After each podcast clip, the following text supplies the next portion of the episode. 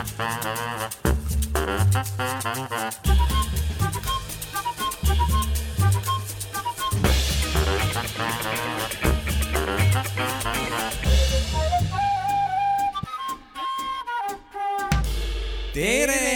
õhtust! ma ei jaksa enam äh, sind õpetada. aga minu arust see on traditsiooniks saanud juba. Et me lihtsalt, et ma ei õpi. kas, kas, kas siis mina peaksin ise ennast nagu ümber natukene seadistama, et ma hakkan ka siis õhtust ütlema nüüd? jah, just. et, et mina jõuan järgmiseks saateks ilusti ära õppida, et ma seda enam ei kasuta ja siis sina ikkagi kasutad. näiteks, teeme nii aga eelmisest saatest on väga kena tagasiside tulnud meile jaa, ja Keter on öelnud, et, et väga paljud inimesed kirjutasidki talle ja DM-i, mis me palusime. kirjutasidki mis on väga põnev. väga lõbus jah. et, et ei, ei, ei usuks seda, aga, aga tõesti, meil on kuulajaid ja, ja, ja aitäh kõigile, kes te meid kuulate. et äh, lubame teile taaskord, et siit ähm,, et hullemaks asi äh, ei lähe jah, ja paremaks ka mitte. aga no nii tore saade oli tegelikult, naerda sai, sai nutta, kõike sai. Tagantjärgigi kuulates äh, isegi mul oli huvitav kuulata, sest see saade oli ikkagi nii pikk, et, et ega, ega enam ei mäletanud, mida me seal saates täpselt rääkisime, aga ja tänane saade tuleb äh, viis pool tundi ilma pausita. Aktuaalne kaamera jääb seekord tegemata. jah, täpselt ja, ja, ja. ei tule tegelikult, ma ei ei hakka ta nii hirmutama. pikk ei tule, natuke, natuke ikka lühem. aga, aga eks me eelmisest nädalast õppisime sinuga seda, et ikkagi on tore, kui, kui on külalised ka. just, ja täna me mõtlesime, siis võtame asja eriti astume suurelt astume sammu veel edasi, veel edasi, et, et kutsume kohe kaks. kutsume kohe aga kaks kuna külalist. on koroona, siis äh, need külalised tulevad meile ükshaaval. jah, nii et esimeses saate pooles on meil külas äh, Joel ja teises saate pooles on, on meil külas, Liis. on meil külas Liis. Ja Aga- millest me räägime siis, kui te küsite, et kes on Joel ja kes on Liis ja mi- mida nad üldse asjadest teavad, et miks me nad kutsusime, on äh, seetõttu, et äh, ikkagi on küsitud ja uuritud, et miks ikkagi siis kaks paksu. noh, vastus on ju lihtne, et me oleme paksud, aga nagu meil ka natukene eelmisel nädalal ju lõppes saade niimoodi, et, et, et me hakkasime rääkima enesearmastusest ja, ja enesekehadest, siis võib-olla see saade me, me natukene pühendumegi sellele, et me räägime just äh, äh, kehadest üleüldse, jah. kehade seksualiseerimisest, armastusest, Keha armastusest. keha vihkamisest. keha vihkamisest muidugi. et, et kuidas meie, kuidas meie näeme ennast hommikuti peeglist ja tegelikult kuidas, kuidas näevad meid äh, teised inimesed.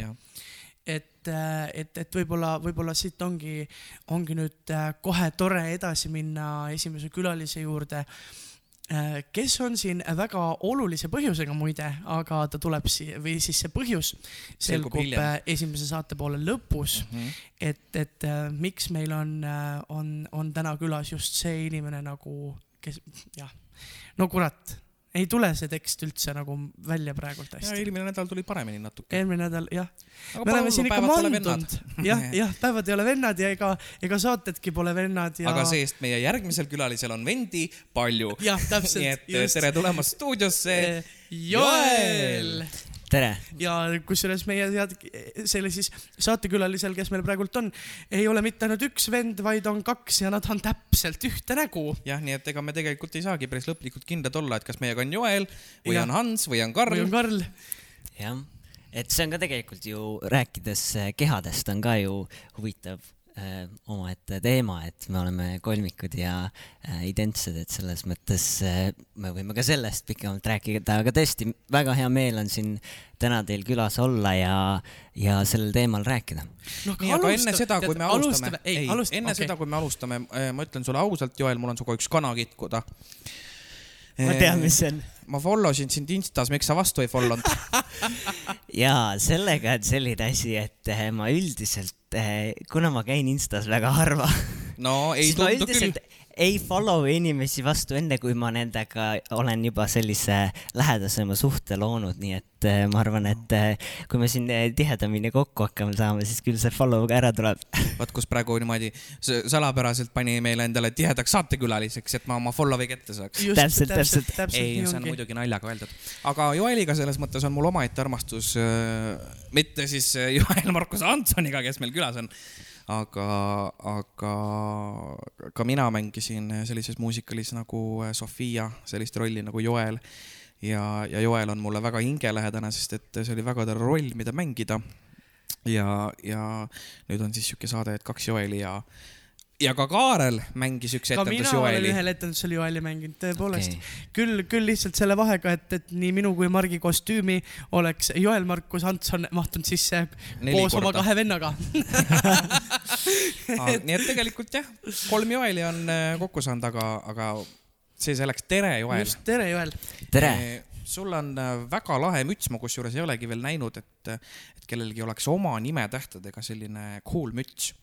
Ja et see on mu äh, siin siis äh, nimetähed JMA ja mu nii-öelda artisti merch, et see on ka mu artisti nimi, et kas siis JMA või inglisepäraselt JMA ma arvan, et väga paljud meie kuulajad äh, sind kui artisti veel võib-olla ei tea, sest äh, sa ei ole võib-olla väga palju oma, oma loomingut äh, avalikustanud. et mina, mina tean, et sa oled üsna, üsna mitmed lood teinud ja, ja sa teed sellist väga erilist stiili muusikat. mina et, näiteks ei tea midagi, nii et mina olen täitsa kuulajaolukorras praegu. no vot, täpselt, et, et räägi natukene sellest, mis see on, mida sa teed ja miks eestlased seda ei tea või miks nad seda võib-olla veel ei ole kuulnud või, või mõistnud? ja äh, ma teen sellist äh, stiili nagu spoken word poetry äh,, mis on siis äh, noh, lühidalt öeldes lihtsalt spoken word ja äh, see on siis nii-öelda selline luulestiil, mis on äh, nii-öelda performance poetry, et luule kirjutatud esitamiseks ja kui mina enda seda stiili spoken word'i mõtestan, siis ta on kind of nagu luule ja räpi vahepeal, et mm., et ta nagu päris räpp ei ole, aga ta ei ole ka selline tavaline luule, mida sa raamatust loed. oota, aga kas see on siis, ongi siis nagu niisugune kas sa esitadki siis nagu luuleteksti või on seal mingi muusika taga või, või kuidas, mis?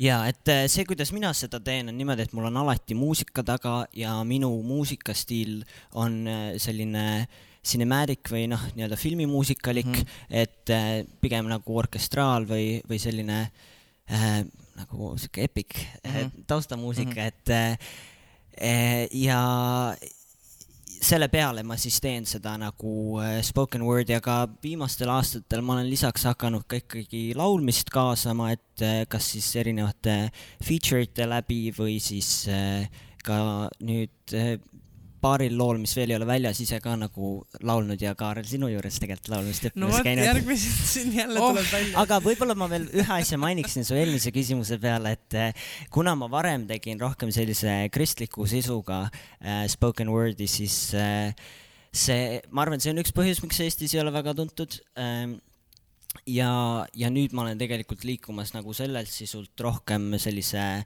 mental health või vaimse tervise teemadele mm -hmm. ja, ja just mulle tegelikult endale eestikeelne termin vaimne tervis väga ei meeldi just sellepärast, kuidas minu jaoks mental health on seotud hästi kehaga ja äh,, ja tegelikult äh, selles mõttes äh, see sõna vaimne seal ees võib noh, tekitada muid arusaamu või nagu just, et ma pigem, kui ma räägin nagu vaimsest tervisest või mental health'ist, siis pigem see fookus on hästi selles, et kuidas äh, see on seotud meie kehaga ja kuidas äh, tegelikult oma kehaga paremini kontaktis olles on, on võimeline, on võimalik ka oma nii-öelda vaimset tervist paremini, äh, paremini juhtida ja me jõuamegi täiesti jooksvalt praegult selle teemani, mis meie tänase saate teema on. et ja miks meil on külas Joel täna. nimelt sa teed praegult äh, ülikoolis, teed lõputööd. jaa, et äh, ma õpin äh, tegelikult Ameerika ühes ülikoolis Vanderbilt Divinity School'is tegelikult teoloogiat, aga ehk siis religiooni ja sellega seonduvat teemat, aga ka nende õpingute jooksul on mu huvi rohkem liikunud siis just nagu mainitud, vaimse tervise ja kehaga seonduvate teemade suunas ja, ja see lõputöö on tegelikult täpselt sellega kõigega seotud, et see meil oli siis võimalik nagu valida, kas teha lõputöö nii-öelda master's thesis või siis äh, lõpuprojekt ehk master's project ja siis äh, ma valisin selle teise, et tehagi siis sellise spoken word äh, loo, mis äh, just nendel teemadel, kehaga seonduvatel teemadel räägiks. nii et täna siis äh, nii, niinimetatud see lugu, mis esimeses saate, saate pooles lõpus ka kõlab, ongi siis sinu nii-öelda esimene, kas, kas ma võin öelda, et esimene Eestis siis avalikult välja lastud nii-öelda spoken word, spoken word lugu? võib-olla või, ähm, võiks öelda, et selline esimene mittekristlik võiks küll esimene öelda. mittekristlik jah, konkreetsemalt. on see eesti keeles? ei, see on inglise keeles okay. kahjuks või õnneks mm. -hmm. Ei no inglise keel väga hea, selles mõttes eh, universaalne keel, rohkem inimesi saab aru ja saab kuulata. täpselt, sa tunned ennast inglise keeles äh, paremini kui, kui eesti keeles teha spoken word'i äh,? ma tegelikult alustasin eesti keeles tegemist äh,, aga praegu võib-olla natukene küll, et kuna ma tahaksin ikkagi ka mitte ainult Eestis, vaid ka väljaspool äh, ikkagi äh, inimesi kõnetada ja kuna mul on lisaks palju äh, Ameerikas tuttavaid ja, ja sõpru äh, ja olen seal seot-, seotud erinevate inimestega, siis praegu ma pigem nagu fokusseerin jah, inglise keelele.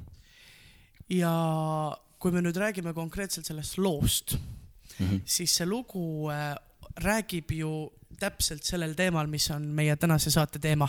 ehk mm -hmm. siis see räägib äh, enda kehaarmastusest. sellest, kuidas inimene tunneb ennast oma kehas hästi. ja, ja lisaks tegelikult sellele, kuidas oma keha armastamine äh, ja aktsepteerimine mõjutab seda, kuidas me tegelikult ka teisi ja teiste inimeste kehasi paremini äh, saame armastada. aga sa ütlesid, et, et sa tegid varasemalt sellist nagu rohkem religioosse suundumusega võib-olla seda spoken word'i, et, et kus, kuidas nagu selle religiooniga praegu on? kas sinu jaoks on oluline, kas religioon või usk üldse mitte võib-olla siis ainult kas jumalasse või, või millegisse kõrgemasse, et kas usk kui selline on enesearmastamisel oluline faktor? see on nüüd eh, keeruline küsimus, mis sa küsid mult. Ma arvan, et see võib olla äh, oluline või abistav faktor mm. -hmm. aga ta ei pruugi mm. -hmm. ma arvan, et see kõik sõltub sellest, millesse usutakse ja kuidas see seda toetab. aga kui ma vastan endast lähtuvalt, siis äh, minu jaoks täna on, minu maailmapilt on hästi suuresti muutunud, kus äh, mitte ainult ei ole see nagu eelnev religioosne teema minu jaoks enam kõnekas, vaid praegu ma mõtestan maailma pigem just läbi äh, läbi keha rohkem, et mm, -hmm. et sellepärast ka nagu mitte, et ma ei ütleks, et midagi vaimset või hingelist või midagi sellist ei ole, aga minu fookus hetkel on pigem sellele, et ma arvan, et üks asi, milles ma hetkel saan kindel olla, see, et mina ja me kõik, kes me siin oleme äh,, me mitte ainult, meil ei ole keha, vaid me kõik minu meelest ütleks isegi rohkem, me oleme kehad. Äh, et mit-, sest lääne ühiskonnas on hästi tavapärane see nagu äh, eristus, et äh, ma olen see mõist-, mõistus või see mõtlev osa ja siis mul on keha, onju. me räägime tegelikult oma kehast nagu millestki, mis mul on, mitte miski, mis ma olen, onju. et see on nagu võib-olla, kui sa küsid nagu usu mõttes, siis ma arvan, et usk võib toetada kõike enesearmastust ja vaimsed praktikad ja kõik need asjad on ülihead, kui need toetavad seda mm. -hmm. Aga ma ise olen praegu sellises kohas, kus äh, äh, pigem nagu minu vaimne või, või siis sellised toetavad teemad on seotud hästi kehaga ja noh, siis võib-olla selline termin nagu embodiment eh, on see, mille läbi ma mõtestan oma, eh, oma elu mm. -hmm. Embodiment, huvitav, huvitav sõna, kuidas see eesti keeles võiks, võiks kõlada nüüd siis? eesti. on sellel eestikeelselt üldse? Eesti keeles minu meelest ma ei ole leidnud vastet, mis mulle meeldiks, nii et ma olen ise mõelnud, et tegelikult väga hea vaste oleks kehas olu nagu mm. kohalolu mm, -hmm. aga, aga see fookus on kehas olemises, sest äh, embodiment minu jaoks on just see, et mitte ainult ka nagu mindfulness või midagi sellist, et see on ainult sinu mõistusega seotud, vaid see ongi seotud sellega, et sa oled oma kehas ja oled oma tun-, nende tunne, tunnete, tundmuste ähm, ja aistingutega, mis, mis kehas tekivad. Mark Oja. jah kuidas sina tunned enda embodiment'i siis selles mõttes, et kas sa kas sa, kas sa tunned, noh, kaks paksu, eks ole yeah., kas sa tunned, et, et sina oledki see, mida sa peeglist näed? ma võib-olla ei võ- tooks selles mõttes võrdlusesse inimest ja tema keha. minu meelest need on täiesti erinevad asjad. et äh, ma ei ole enda keha. see, kes ma olen, on minu sees, sees, mitte väljast. Ja, ja, ja võib-olla see on, võib-olla noh, ma ei tunne sellisena, et, et, et ma olen see, mihuke ma ennast peeglist vaatan. Mina olen ikka mina, vaatab siis peeglist vastu, kas saja kahekümne kilone Mark, kolmesaja kilone Mark või kuuekümne kilone Mark, vaata, mina jään ikka endaks. Aga, aga samas noh, nüüd sa rääkisid muidugi täiesti Joeli jutule vastu ja see on täiesti okei ja ka see on täiesti okei sorry. okay., mis on, mis on Ei. selles mõttes, ei, see ongi väga-väga tore, siit on ju edasi tore arutleda, et et, et kuuekümne, kuuekümne kilone Mark või kuuekümne kilone Kaarel selles mõttes suudaks ju teha selles mõttes midagi muud jah, kui kolmesaja kilone Mark või Jaa. kolmesaja kilone Kaarel. aga et ma, kas, ja kas, siia ma tahaks lihtsalt tuua vahele selle, et nagu ma tean, et minu keha on teistsugune kui teie keha. Ja, ja siin on nagu thanks. äh, me teadsime seda isegi. me teame seda ise ka. Ja-, ja- selles mõttes, et jah, ja seda ma tahangi öelda, et ja et selle loo keskne sõnum ja ma tean, et võib-olla mul on seda palju lihtsam öelda, aga selle loo keskne sõnum on see, et sinu keha headus või minu keha headus või kellegi teise, kes on eh, kas mingisuguste füüsiliste või vaimsete puuetega, tema keha ei ole vähem hea kui minu keha. Ja selle nagu loo keskne sõnum on see, et kui meie eriti lääne ühiskonnas pannakse kehad hierarhiasse, minu meelest eriti noh, ka Eestis, aga ka välismaal eh,, näiteks ka Ameerikas ikkagi äh, hästi nagu kesk, nii-öelda ähm, tõstetakse üles kehasid, mis on äh, kõhnad või äh, Treenitud, onju siis kellel ei ole puudeid, üldiselt pigem noored kehad kui vanad kehad, ikkagi ka kui vaadata meedias, kuidas nagu eh, kehasid, kellele rohkem antakse nii-öelda ka meediaaega või, või keda nagu rohkem eh,, rohkem nagu ülistatakse, siis on ikkagi noored eh,, treenitud pigem eh, mehed kui naised, sest minu meelest naisi tihti nii-öelda portreeritakse ainult pigem seksualiseeritud viisil mm, no väga palju Äh, jah ja,. või nagu sellises üleseksualiseeritud, mitte et nagu seksuaalsuse näitamine oleks halb, aga see, kui, kui nagu naiste kehasid nähakse kui ainult objekte, siis eh, see on minu meelest eh, probleem. no see tuleb kindlasti ka sellest, et, et need, kes äh, seksuaalset pilti rohkem nii-öelda näevad ja sellest äh, nii-öelda käima lähevad, on ju mehed. et, et paljas, paljas mehe ihu on äh, paljas mehe ihu ja paljas naise ihu on erootiline.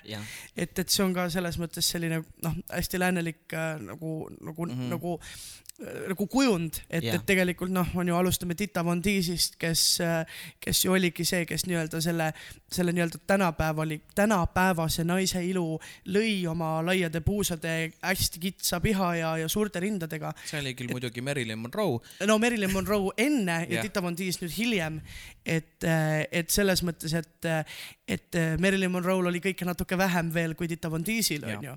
et, aga et iseasi küsimus, kas Tita Von Teesil oli kõik loomulik.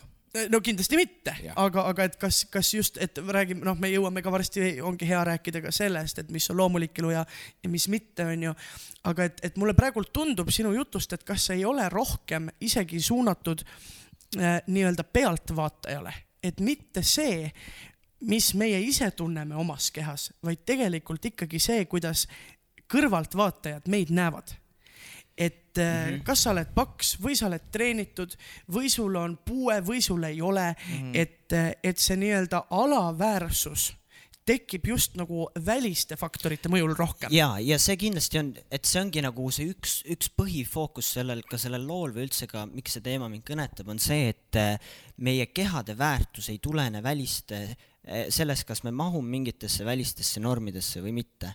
Sest need normid, esiteks need, kui vaadata sada aastat tagasi või paarsada aastat tagasi, tegelikult on kogu aeg muutu-, muutumises äh, ja, ja, ja pigem, et see, see, et see ei tulene sellest, kas, milline ma välja näen või mida ma nii-öelda, kui palju ma toota suudan või kui produktiivne ma olen, vaid vastupidi, ma juba olen hea ja, ja see käib minu meelest iga keha kohta, olenemata kehade jah erinevusest., nõus. väga palju sõltub see, kui palju sa võtad teiste arvamust kuulda. ma võin öelda täiesti ausalt, et äh, siis kui mina olin, kui see meil see saade välja tuleb, siis me mõlemad Kaarliga otsime välja endast pildid, kus me tõesti näeme välja kui modellid kehakujult. ja ma võin ja me öelda, oleme seda tõesti olnud. jah, ja, ja ma võin öelda, et siis, kui ma olin pitspeenike, rääkisime eelmise, eelmine nädal rääkisime saate lõpus ka enesearmastusest, et, et siis, kui ma olin pitspeenike ja mul oli tõesti suurus XXS ja inimesed vaatasid, et, et vau, milline kutt, siis äh, ka nendel momentidel number üks, ma tundsin, et ma olen paks ja number kaks, ma võin öelda täiesti ausalt, et äh, ma ei olnud siis isegi mitte veeranditki nii õnnelik oma elu üle ja enda üle, kui ma olen praegu. no aga nii ongi. Ja see on täpselt seesama teema, millest me, millega me eelmine nädal ka lõpetasime, et sa võid olla piitspeenike, sul võib olla energiat ja seda jõudu, et joosta ja, ja möllata, sul võib olla kõriauguni ja ühel hetkel sa võtad võib-olla kolmkümmend, nelikümmend, viiskümmend kilo juurde ja sa mõtled, et oh, aga see olengi mina ju. Ja nii on ja nii ongi. iseasi, kas me tahame sellisteks jääda elu lõpuni. jah, täpselt ja, ja ka minul on endale seatud see eesmärk, et kolmekümnendast kuni neljakümnenda eluaastani on minu elu kõige ilusam periood ja sellel ajal kavatsen ma välja näha nagu Uku Suviste. no õnneks sul on viis aastat aega. ja no Uku umbes nii vana ongi. Uku, Uku on jah, umbes nii vana ongi jah, täpselt. aga Joel, räägi, kas ja millal on sinul olnud probleeme enda kehaga või enese või kas üldse või ja, ja kuidas ja, ja miks. kes ei ole näinud, mihukki Joeli keha välja näeb, siis tema Instagramist äh, leiab äh, hulga pilte. aga, aga kas sul on olnud selliseid probleeme, et, et, et sa tunned, et sa ei ole piisavalt ähm, worthy, siis inglise keeles on ju, et piisavalt, kuidas see eesti keeles on, et mul läks endal nüüd. Joel paneb siin estonglish'it ja mul ja, läks ja ka kohe täiega.. mis on Äh, worthy? no no piisavalt- väärtuslik või? jah, väärtuslik. jah, ma arvan, et äh, kuna no minu puhul on see, et kuna me vendadega sündisime enneaegsetena, siis me oleme kogu aeg olnud pigem liiga kõhnad äh, ja pigem nagu tundnud ennast nagu noh, kui ma endast räägin, siis pigem on olnud see, et ma tunnen, et aa, et ma olen nagu liiga kõhn ja ma ei saa nagu lihaluude peale vaata. et eh, kui siis võib-olla nagu selles mõttes, et, et ka nagu trenni tegemine on minu jaoks olnud see, et vähemalt mul nagu kondid ei paista, sest reaalselt nagu noh, mul on pigem nagu on raske eh, üldse mingit nagu eh, kaalu juurde saada. aga ma arvan, et minul on olnud see ühelt poolt see tunne nagu seotud vähem kehaga ja samas, kui ma mõtlen selle peale, et aa, et eh, kui ma, kui ma ei näeks välja selline, nagu ma praegu välja näen, siis ikka tekib nagu see, et tegelikult needsamad, need kehanormid või need nagu eh, need normid, mis meil ühiskonnas on, ikka nagu tegelikult mõjutavad. aga ma nagu tunnen, et ma tahaksin, selles mõttes see on nagu, ongi tegelikult eh, teekond, et eh, ma tahaks ka, et, et ma ei näeks enda keha väärtust või et mu keha on praegu rohkem väärtuslik kui näiteks siis, kui ma oleks palju kõhnem või palju mm -hmm. äh, oleks kaaluksin palju rohkem, et selles mõttes äh, see jätsid ütlemata sõna paks praegu. Või palju paksem, jah, sa võid öelda seda. nii, et, et selles mõttes ma, ma annan aru, et ma alles ka tegelikult äh, õpin seda Mhm. ja, ja nagu ähm, jah, et teiselt poolt võib-olla ma arvan, see väärtuse teema on pigem seotud nagu muude asjadega, et mis ja kui äh, nagu, kui andekas ma olen või, või mingid sellised asjad, aga mis on ka lõpuks tegelikult seotud äh, meie kehaga ja mida meie kehad teha suudavad või ei suuda. aga sina oled ju töötanud ka vendadega modellimaastikul ja, ja me ju kõik teame nendest lugudest, kuidas modellid äh, tihtilugu kannatavad ka väga erinevate söömishäirete all näljutavad ennast et- lavafiguuri jah. nimel ja, ja ja puhtalt sellepärast, et management ja, ja modelliagentuur eeldab ja kogu see üleüldse maailm, mis on loodud nüüd viimast, viimase saja aasta, mis iganes jooksul, et, et see modell peabki olema täiesti äh, mm, kõhna ja hästi siukene, kuidas öelda siis, kondine onju. et, et, et kuidas seal modellimaailmanduses teil oli, et kas teile heideti midagi ette, et kas te olite liiga kõhnad, olite te liiga no vaata lihastes, olite pilte te vaevalt, et seal mingeid etteheiteid no, oli. esiteks see teema oli kõik äh, juba päris mitu aastat tagasi, me pole nagu väga tegelenud sellega, aga siis tõesti äh, meie peamine probleem oli see, et me oleme liiga lühikesed. ja see on ka alustame, jällegi alustame, kõigepealt, enne kui sa rääkima hakkad, alustame sellest, kuhu te üldse jõudsite. Kui kõrge oli see kõige kõrgem tipp, kuhu te üldse jõudsite kolmekesi või ka eraldi? me ei, me tegime kolmekesi ja meil, see oli üks, üks Rootsi agentuur, kes tahtis meiega rohkem koostööd teha ja siis saigi Rootsis tehtud mingeid äh, shoot'e ja asju äh, ja üks mingi reklaam sai seal tehtud ähm,. Ja siis tekkis tegelikult huvi nii Milanos mingil suurel agentuuril kui ka New Yorgis ehk siis päris kaugele Miks ikkagi aga need asjad jäid katki Aa, jäid katki. ja üks põhjus oli see, et me oleme liiga lühikesed mm.. jällegi noh, me, meie puhul ei olnud võib-olla mingeid muid aspekte äh,, aga jällegi mingid nagu kehanormid, et mehed ikka peaksid olema nagu pikemad või mm., äh, või mingid asjad ka seal tegelikult tulid mängu. et, et selles mõttes äh, nagu mitte, et ma nüüd loodan, et see lugu muudab kõike, aga ma tahaksin just selle looga seda nagu rõhutada, et, et ka ja minu meelest ka modellimaailmas seda on nagu rohkem, üha rohkem hakanud tulema, kus nii-öelda pluss size äh, modelle ka ikkagi nagu kaasatakse ja et, et nagu lõpuks tegelikult nagu, et lõpuks tegelikult need normid, mis, mis on pandud ühiskonna poolt, et, et neile, neid natuke raputada mm. -hmm. jah, selles mõttes äh, on, on nagu see, et äh, ma ise võib-olla olen äh, noh, siis kui mina nagu paksuks läksin, ma isegi kokkuvõttes ei tea, mille pärast läksin, ma aiman, et see on jälle seotud ikkagi vaimse tervisega ja, ja mul oli teismelisena oli väga raske just vaimne periood mis tähendas siis seda, et, et ma üks hetk hakkasin enda lohutuseks sööma ja väga palju. nii et ma tegin külmiku lahti ja see külmiku ukse oli lahti umbes pool tundi, täpselt nii kaua, kuni ma sõin ära kõik asjad, mis seal külmikus olid. ja see pakkus mulle lohutust minu enda siis depressioonile ja, ja no ma, kui ma ütlen kõik asjad, siis ma mõtlen kõik asjad. mul ei olnud mitte mingit probleemi võtta pudel ketšupit ja ilma mitte millegita endale lihtsalt kurku kallata mm. -hmm. ja, ja lisaks siis tabletid, mis ma pidin hakkama võtma antidepressandid, mis tõst-, tõstsid minu kehakaalu. ja, ja loomulikult see algus oli, oli väga-väga keeruline ja väga raske. sellepärast, et mm.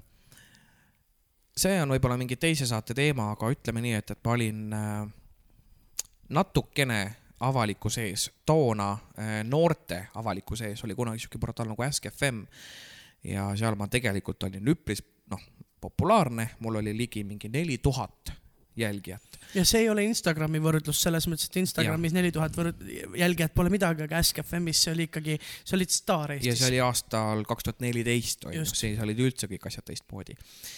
ja ma üks hetk avastasin, et ma hakkan käituma teistmoodi, et ma hakkan vastama teistmoodi, ma hakkan üles panema teistmoodi pilte, mitte enam neid asju, kes olen mina ja kes ma oleksin tahtnud olla, vaid ma hakkasin käituma nii, nagu ma nägin, et teistele meeldib.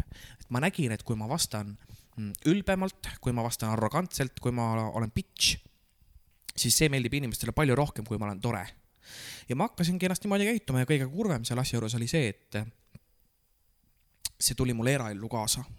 ehk siis ma hakkasingi väga nõmedalt käituma ja, ja see on võib-olla ka põhjus üks hetk, mis viis mind depressioonini, et, et see, et ma ei suutnud ennast viia sellele tasemele, mul oli pidevalt niisugune tunne, et ma ei ole teiste jaoks piisavalt hea et nad ootavad minult rohkem, nad tahavad, tahavad, et ma oleks kõhnem, nad tahavad, et ma teeksin ilusamaid pilte. Nad tahavad, et ma vastaksin nii või ütleksin seda. et see viis mind üks hetk sinnamaani, kus mul oligi totaalne breakdown ja ma kukkusin väga sügavale auku, kus siis noh, juba eelmises nädalas rääkisime ka, olid enesetapumõtted ja kõik muud asjad, aga ma tulin sellest välja ja kokkuvõttes me jõuamegi sinna punkti, et äh, et praegu ma tean, et ma olen paks ja mind ei häiri see.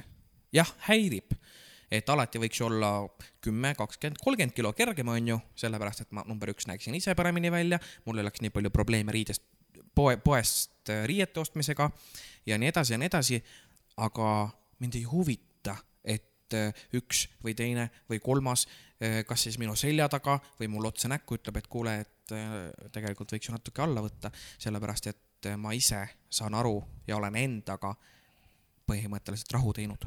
no sellega, see, selle söömise teemaga, mis sa enne rääkisid, et, et sina sõid äh, selle nii-öelda depressiooni ma tahan ka selle ole. kohta pärast midagi öelda. et, et aga minu, minul on jälle natuke teistmoodi lugu sellega on see, et mina söön praegult ja ma olen avastanud seda, et äh, ma ei vaja ilusaid riideid, kui ma nagu tunnen, et oh, ma olen midagi teinud ägedalt või saanud mingi suure palga. jah, ma ostan endale midagi ilusat, seda ka, aga mina ütles Kaarel, kes tavaliselt näeb kuskil peol välja nagu juudi jõulupuu. ei, aga ja ei, seda küll, aga ma näengi ainult siis välja nagu Jah. jõulu, jõulujuudipuu. kunagi, kunagi ma nägin iga päev selline välja, aga, aga praegult ma enam ei viitsi, sest ma tunnen ennast, vot see ongi see jälle kehamugavus on Jah. ju. ma tunnen ennast mugavalt mm -hmm. nii nagu ma olen praegult, nii nagu ma, ma viskangi suvalised esimesed kaltsud äh, selga, mis mul kapis on ja ma tunnen ennast hästi. aga ma premeerin ennast toiduga ehk siis, kui ma näiteks olen saanud mingi suure palga või, või olen teinud midagi sellist, mille, mille, mille tõttu ma tunnen, et ma peaksin nüüd ennast premeerima, siis ma lähen kuhugi kallisse restorani sööma näiteks mm. -hmm. ma võin panna tohutud hulgad raha selle peale, et süüa midagi fancy't või, või et nautida mingit maitset äh, näiteks noh, ütleme minu selline, kui mul näiteks on pohmaka hommikud mm, -hmm. siis minu söök on äh, võileivatort, singirullid, täidetud munad. Ühesõnaga see sünnipäeva hommiku või see sünnipäevasöök ja ma ostangi endale suure võileivatordi, singirullid, ma söön kõik üksinda järjest ära. oi, mul on pärast seda paha olla, aga ma naudin seda ja see on ka ikkagi väga rumal. See on uskumatult rumal, aga, aga samas jälle ma mõtlen selle peale, et ma seisangi peegli ees ja mõtlen, et no, no mis see üks võileivatort või miks see üks pitsa mulle siis nüüd enam ära ei ole? Ja, ja minu meelest te mõlemad tegelikult puudutate väga olulist teemat, mis minu jaoks väga haakub sellesama embodiment'i mõttega eh, kahelt erinevalt küljelt. et eh, kõigepealt, Mark, sa mainisid seda, et kuidas sinu jaoks eh, oli, oli söömine selline asi, mis aitas hakkama saada eluraskustega. nii-öelda ähm, ja, ja mina nimetaks seda tegelikult tegelikult noh, inglise keeles on survival skill mm, -hmm. et see on tegelikult üks viis, kuidas sa selles hetkes püüdsid ellu jääda ja, ja hakkama saada sellega, mis oli raske. Ja see on sinu keha tarkus. sest me, meie kehadel on erinevaid viise, kuidas me oleme õppinud toime tulema. Ja, ja see ei pruugi olla nii-öelda kõige parem või õigem viis, aga see aitas sul sellest hetkest läbi saada. Jah, ja, ja ma arvan, et kui me näeme neid eh, asju, mis me teeme, siis kas mingid sõltuvused või nii-öelda compulsive behavior'id, et mingid sund, noh, need ei pruugi päris nagu sõltuvused olla, aga mingid sundtegevused, kas siis söömine või eh, noh, mis iganes tegevused, mida me teeme, et oma ärevuse ja raskete tunnetega hakkama saada, kui me kõigepealt näeme neid kui oma kehatarkust, et tegelikult hakkama saa-, et selles hetkes ellu jääda ja selles hetkes nagu selle ärevusega mis iganes, mida me tunneme, depressioon või mis iganes äh,, siis tegelikult me saame olla tänulikud selle, selle suhtes ja tänulikkus põhimõtteliselt ka aju tasandil, kui me, kui me suudame nagu väljendada tänulikkust selle äh, tegevuse suhtes, siis tegelikult see eh, mitte mingi hullult struggle ida sellega või täiega, et aa, ma olen nii halb ja ma peaksin paremini tegema, sest mis juhtub, kui me hakkame ennast eh, häbistama, sellepärast on see, et tegelikult äh, seda rohkem me teeme seda mm. -hmm. et me tunneme ennast veel halvemini, seda rohkem sa sööd ja sa jääd sinna kinni. et selles mõttes esimene asi on oluline see, et olla, tegelikult näha neid kui nagu äh, mitte halbu tegevusi, vaid häid asju, mis on aidanud meil elus püsida jah, ja, ja teine asi, kuidas see on seotud embodiment'iga, et noh, on see kehatarkus on esimene ja teine on see, et kui äh, kui me oleme kontaktis oma kehaga ja oma tunnetega, sest tavaliselt, mis juhtub, on see, et kui me tunneme mingeid tundeid, mida me ei taha tunda, näiteks hirmu äh, või kurbust või viha, siis äh, selle asemel, et neid tunda või ärevust, me pöördume mingite defense'ide poole, mingid sellised kaitsete tegevused, jah, mingid kaitsed, mingid tegevused, mis äh, millega me siis nii-öelda tuimestama neid, tuimestame neid tundeid, näiteks söömine, näiteks äh, Netflixi binge watch imine, näiteks äh, minu üks lemmikuid, mida ma alati teen, kui ma olen ärevil, scroll imine Jah. äh,. ja mida mitte, me kõik teeme iga hommik. jah, ja, ja, Jah. ja mitte, et need on halvad asjad, aga tõenäoliselt seal taga on mingi tunne, mida me ei taha tunda, aga kui, kuna tunded on nii-öelda kehalised ähm, nagu protsessid, tavaliselt kui sa tunned mingit tunnet, näiteks sa tunned rõõmu, siis su kehas on mingid aistingud, kus sa tunned seda, onju, või sa tunned kurbust. noh, ma ei tea, te võite, kas te tahate pakkuda mingeid, mingeid aistinguid, mingeid sõnu, et mida sa oma kehas tunned, kui sa tunned kurbust?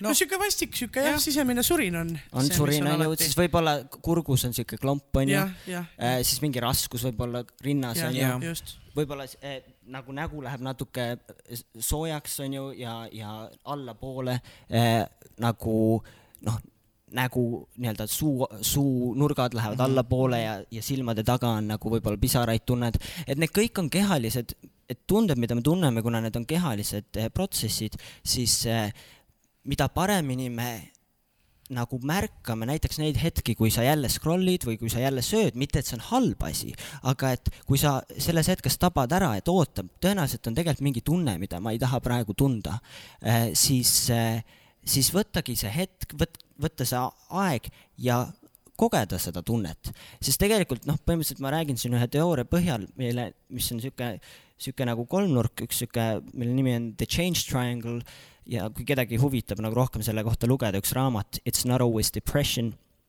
siis äh, see mõte seal on see, et kui me püsime oma tunnetega, siis tunded tavaliselt kestavad minut kuni kaks minutit ka nagu megasuured tunded, megasuur hirm, megasuur äh, kurbus, lein, mis iganes, selles hetkes see kestab ainult väga lühikest hetke. et kui, kui osata ja õppida neid viise, kuidas oma kehaga ja oma tunnetega paremini eh, kontaktis olla, siis tegelikult see, tunded on nagu lained, ta tuleb ja siis, kui see on seal laineharjal, me kardame, et see tunne kunagi ära ei kao et see nüüd, nüüd lähebki nagu täiesti, see võtabki mu üle võimust, siis ta tavaliselt hakkab langema.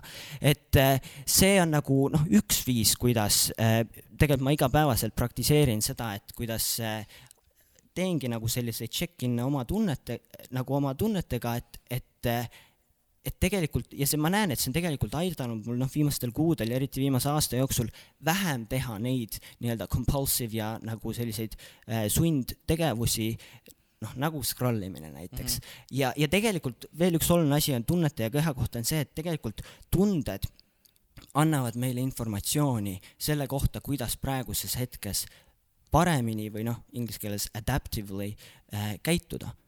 et kui, sest noh, evolutsiooniliselt kui mõelda, siis tegelikult igal tundel on mingi põhjus mm. -hmm. me tunneme hirmu siis, kui meil on äh,, kui me äh,, kui on mingi ohuolukord, et põgeneda ja, ja see nagu see tegevus sellele ongi näiteks põgenemine või kui sa tunned äh, viha, siis võib-olla on äh, kaitsta, onju, või kui sa tunned äh, tegelikult võib-olla sellega, et äh, ma lihtsalt nii op-, opsul-, opsus, opulsi-, opul-, mis see sõna on nüüd siis? obsessively. Obsessive, Obsessively. obsessive, et ma nii obsessively sõin, siis võib-olla ma lihtsalt põgenesingi sellest negatiivsest tundest, mis mul oli. nii ongi. aga tunnetest rääkides, Kaarel äh,, kuidas sa tundsid ennast siis, kui hakkasid esimesed märkused su kehakaalu kohta tulema, kui sa hakkasid paisuma? oi, väga halvasti selles mõttes, et, et eh, ikkagi, ikkagi sellist, sellist kommentaari, et oi-oi, sa oled paisunud. no sellist tuli sellistelt äh, emasõbrannad ja mm. -hmm. ja mingisugused, ega sõbrad ei näe seda, näevad. sest ei, selles mõttes, sinu puhul nägid, aga seda nad näevad mõne aja möödudes. et eh, tegelikult seda esimest paisumist näevad need inimesed, kes äh, sind nii tihti ei näe jah, et sõbrad, kes igapäevaselt su kõrval elavad ja, ja sinuga koos on ja sinuga koos kasvavad, nemad ei näe neid muutusi, sellepärast et, et seda, kas nüüd täna oli kilo vähem kui homme, seda ei ole näha. aga kui nüüd on kümme kilo juurde tulnud, siis see aeg on nii palju juba mööda läinud, et nad juba nagu tunnetavad, et see võib-olla ongi see või et seda ei ole nagu nii kiiresti näha. küll aga näevad seda väga ruttu inimesed, kes sind iga päev ei näe et kui ma olengi kuu-kaks ei ole Türil käinud ja olen selle ajaga ikkagi mõned kilod paisunud, siis nad näevad selle ära rääkimata poolest aastast näiteks mm, -hmm. kui sa mõnda tuttavat ei näe, ta näeb sind poole aasta pärast, ta vaatab, et oh, sa olid täitsa teine inimene sellel ajal mm. -hmm et, et, et muidugi ma tundsin ennast halvasti, aga, aga, ja muidugi ma olen tohutult ette võtnud selle jaoks, millest me ka teises saate pooles kindlasti räägime, igasugu dieetidest ja muudest asjadest ja möllust. et, et ega, eks ma olen väga palju ette võtnud, aga kui sa ikkagi ühel hetkel näed, et see dieet, mida sa teed on sulle nii vastumeelne ja selline, nagu ma praegult olen, on mulle selles mõttes nii palju omane, et ma söön selle pitsa mm -hmm. peale seda dieeti siis ma saangi sellest aru, et küll see aeg ükskord tuleb, see on nagu suitsetamisega. Yeah.. suitsetamist ei saa täna maha jätta. Yeah.. suitsetamise mahajätmiseks sa pead võtma endale aega või siis peab see ise tulema. Yeah.. sest ma tean väga palju inimesi, kes on suitsetamist päeva maha jätnud päevapealt yeah. ja ei suitsetagi ja see ei ole enda sundimine. Aga ma ütleks, et selle kaaluvärgiga on, on natukene sama. et see minul, peab tulema. minul oli ju näiteks niimoodi, et äh, ma isegi ei saanud aru alguses, ma olen paisunud.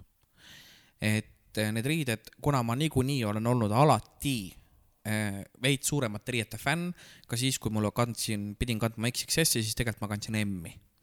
et sellepärast, et ma ju arvasin, et ma olen paks, onju et ma arvasin, et kui ma võt, olen tegelikult number XXS või XS, et siis ma pean kandma M-i, sest siis on nagu hästi, vaata, et siis pole näha, et ma olen paks, mida, mida ma tegelikult ei olnud muidugi. et ma ise ei pannud tähele, et ma olen paisunud ja, ja üks hetk see oli, ma mäletan seda hetke nii hästi, et äh, ma ei mäleta, kas see oli nüüd Kaari Sillamaa Kaunite kunstide kooli etendus või kus see oli, aga, aga ma mäletan, et see oli Salme laval, kus mulle üks, üks siis äh, kaasnäitleja tuli, küsis, et kas kõik on ikka hästi. siis ma olen mingi hetk, mis mõttes, et on küll nagu, ta ütles, et sa oled kuidagi äh, nii mm, suureks läinud. Ja siis ma läksin esimest korda, vaatasin peeglisse, vaatasin, et see olengi. ja mitte vähe. ja sealt hakkas see edasi minema, et äh, kui seda kommentaari poleks olnud, ma võib-olla oleks sama suureks paisunud, kui nagu ma olen praegu ja ma ikka, okei okay,, no siis ma ilmselgelt näeks ja saaks aru, et need riided ei lähe mulle enam selga. aga, aga ma ei pannudki enne seda tähele, kuni mulle lõpuks öeldi, et ma tegelikult olin võtnud juurde kenasti viis kilo jah, nii ta, nii ta on ja, ja ega mul täpselt samamoodi see tuligi niimoodi järsku, et ega sa või selles mõttes järsku enda jaoks mm, -hmm. et see kogud, kogud, kogud, kogud, kogud ja siis ühel hetkel vaatad, et oh, appi, et kas jub-, nüüd nii järsku on kuidagi muutunud see. tegelikult ei ole ju järsku, tegelikult see tuleb ju ajaga. üks hetk vaatad peeglisse, noh, paned triiksärgi selga, vaatad peeglisse, mõtled, et kurat, aga nagu tegelikult ei olnud seda no, võt, auku sellega, nööpide vahel enne. sellega on see ka, et, et ei olnud auku nööpide vahel või siis, et oot, et aga see läks mul kinni enne ju mm, -hmm. see särk aga Joel, nüüd äh, selle saateosa lõpetuseks, äh, me hakkame kohe kuulama nüüd sinu lugu.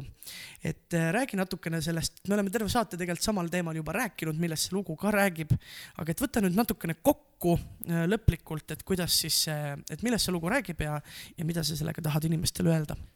Jaa, et äh, eks see kesk, keskne sõnum ongi see, et äh, kui mina, kui ma õpin armastama ja aktsepteerima oma keha siis tegelikult seda paremini äh, ma saan armastada ja aktsepteerida ka teiste inimeste kehasid, kes on võib-olla täiesti erinevad minust, kas äh, paksemad või kõhnemad, mingit äh, teist nahavärvi või mis iganes, siis tegelikult seda rohkem on mul võimalust äh, ka teisi inimesi armastada ja aktsepteerida ja, ja lõpuks, et kehade erinevus ei tähenda, et ühed kehad on teistest paremad. ja tegelikult seda ma tahaksin öelda nii teile nii endale kui ka kuulajale, et sinu keha on juba hea. Su ei, keha no, sul on ikka parem keha kui minul ja, ja Kaarlil. selles mõttes küll ei, vähemalt, vähemalt et... silma järgi. Äh, enesetunde järgi võib-olla tõesti jah, ja ma siin tahan teiega tegelikult mitte nõustuda, et äh, selle, selle, selle sõnumi mõttes ma tahaks öelda, et sinu keha on hea sellisena, nagu ta on ja kui ta teeb seda, mida sul on vaja tehtud saada, siis ta on perfektselt ideaalne juba sinu jaoks praegu. Äh, ja, ja ma loodan, et äh, iga kuulaja võtab siit kaasa selle, et sa oled hea, sa oled väärtuslik ja sa ei pea muutuma selleks, et seda juba olla. kust saavad meie kuulajad sind leida? kust nad saavad näha spoken word'i, kust nad saavad näha teisi postitusi?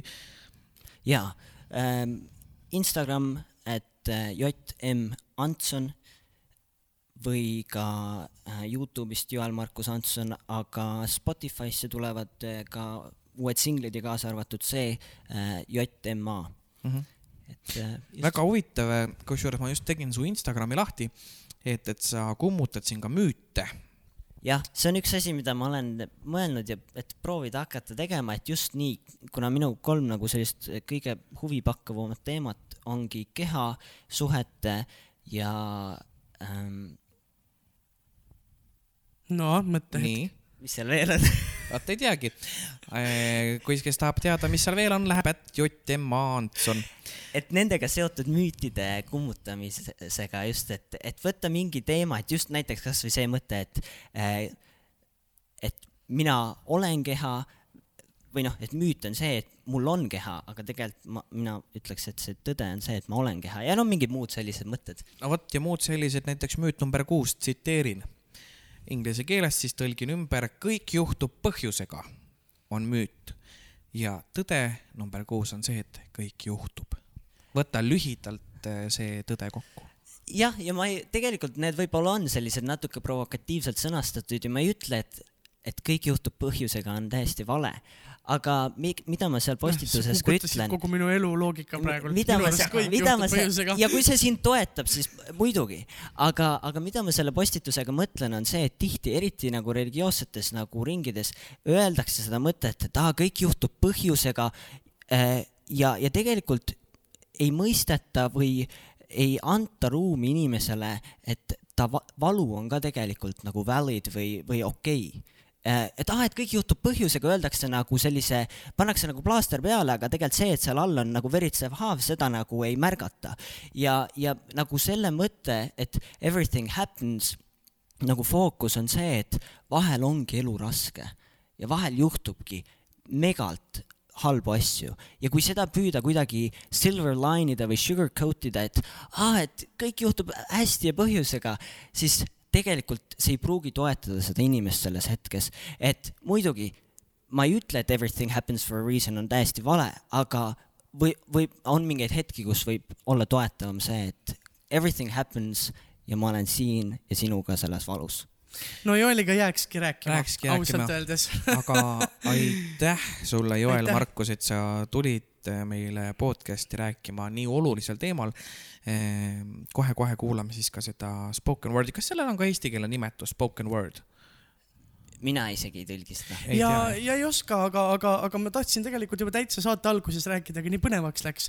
et kui keegi tahab, äh, me oleme siin Joeliga natukene sellest spoken word'ist rääkinud, et kui keegi, kedagi huvitab, kas Eestis on äh, keegi teine artist seda teinud, siis ma ütleks, et äh, kui te kuulate Chalice'i lugu Minu inimesed mm, -hmm. siis vot see on spoken midagi word. sarnast jah. jah mm, -hmm. midagi sellist. et, et aga nüüd me kohe siis kuulame, kuulame seda lugu ja ja selle loo nimi on Everybody. just. lõpetuseks, millele kuulajad peaksid mõtlema, kui nad seda eh, spoken word'i siis nüüd kuulavad? võib-olla mõelge sellele, mis eh, tundeid see teie kehas tekitab, mis muid äh, aistinguid või, või tundmusi te tunnete oma kehas, kui te seda kuulate ja, ja ma loodan, et see vähemalt suunab teid sinna enese ja enda keha armastamise teele. ja ükskõik, kus te ka praegult olete, kas te olete siis diivani peal või voodis või bussipeatuses. või peldikus, nagu Kaarel ütles üks saade. siis äh, pange oma keha liikuma ja, ja tundke seda, kuidas see muusika teie kehast läbi voolab ja mis tundeid see teis tekitab. aitäh veel kord külla tulemast, Joel. aitäh teile. Dear body, where does it hurt? Where do you feel cold? Gentle and slowly open up the memories your muscles hold. The shivers of shame, stories of soreness, poems of pain, blows of blame, traumatic tremors, the bruises in your brain. The aches alarm alert against what harms and hurts, pointing to the practices, policies, and norms that no longer work. Know that these narratives of misuse don't define you. Despite your appearance or ability to produce, you're already good. I'm my body.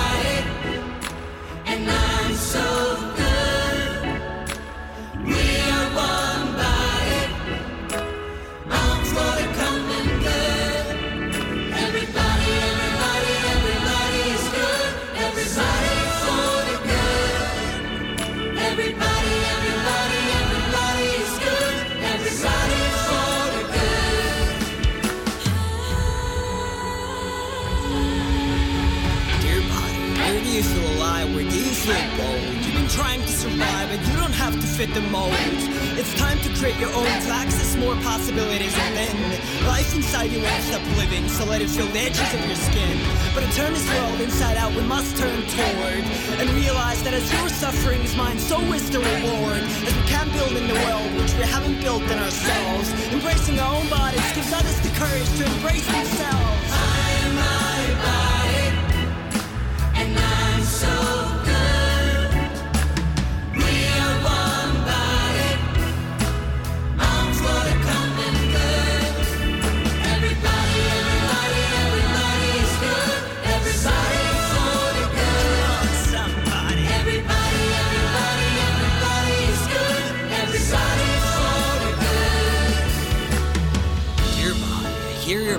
Now as protest songs. Call me to action to transform to right the wrongs. So that every part of you would feel safe like they belong. May the anthem of your own authority fill your lungs. So let's tell everybody that everybody's good.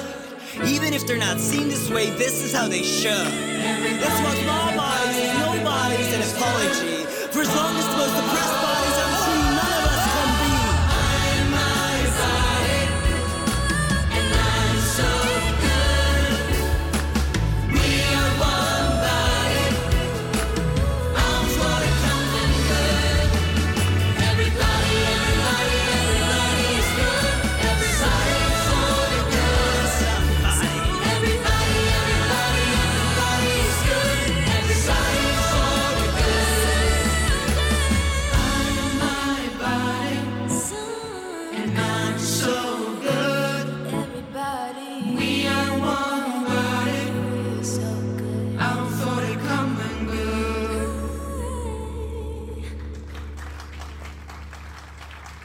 väga motiveeriv lugu ja sobib tänasesse saatesse nagu rusikas silmaauku. ja mis ma tahtsin just välja tuua, on see, et äh, väga lahe, kuidas meil erinevate saate muusikad on äh, väga erineva stiiliga. just, jah, jah. et äh, teine saade oli meil kaks nädalat tagasi mm, väga selline, kuidas öelda, hingeline ja, ja, ja hingeravim, et kui oli Parem tulevik ja, ja Jaanika lugu jah. Ja eelmine nädal oli ju Keter ja siis oli sihuke puhas popp, noh muidugi see jõud, et hingata oli selline ka hingeline. popp-ballaad, aga täna hoopis jälle midagi erilist. midagi hoopiski teistsugust jah. jah, täpselt. aga kui äh, keegi tunneb huvi veel Joel Markuse tegemiste osas, siis äh, Spotify's ja Youtube'is saab näha veel rohkem spoken word'e ja, ja võite ta üles otsida.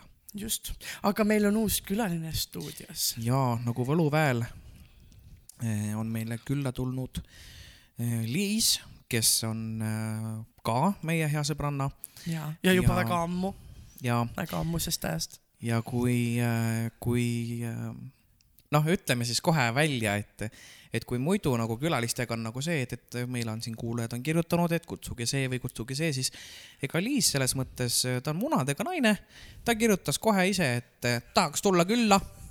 Ja siis me mõtlesime, ütlesime, et tule. absoluutselt, muidugi. nii et vaadake, kui lihtne on tegelikult meie podcast'i saada. täpselt, kui te tahate tulla, siis lihtsalt olge munadega ja kirjutage, et ma nüüd tulen ja eks ja. me siis leiame selle kuupäeva.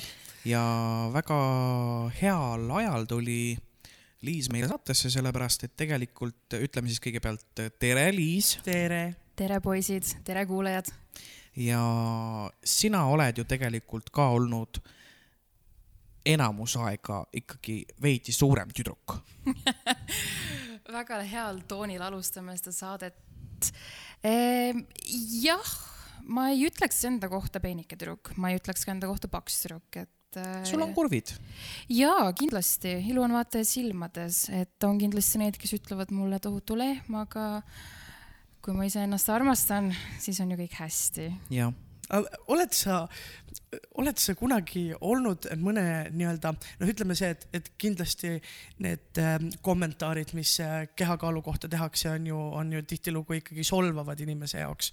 et oled sa vahel olnud kellegagi nagu nõus ka, et ah, olen jah, mul tuleb üks äh, hea lugu, alustame siis kohe natukene vürtsikama looga ma olin kunagi äh, suhtes ühe väga-väga peenikese poisiga ning äh, ühe, ükskord vahekorra ajal ütlesin talle, et vahetame palun positsiooni, et ma ei jaksa enam.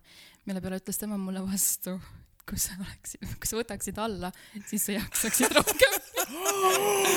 no oh my god no vot, mulle, ma, ma, ma isiklikult arvan, et see suhe ei jäänud väga pikalt äh, kestma. ei, ei jäänud absoluutselt kaua kestma. Jesus.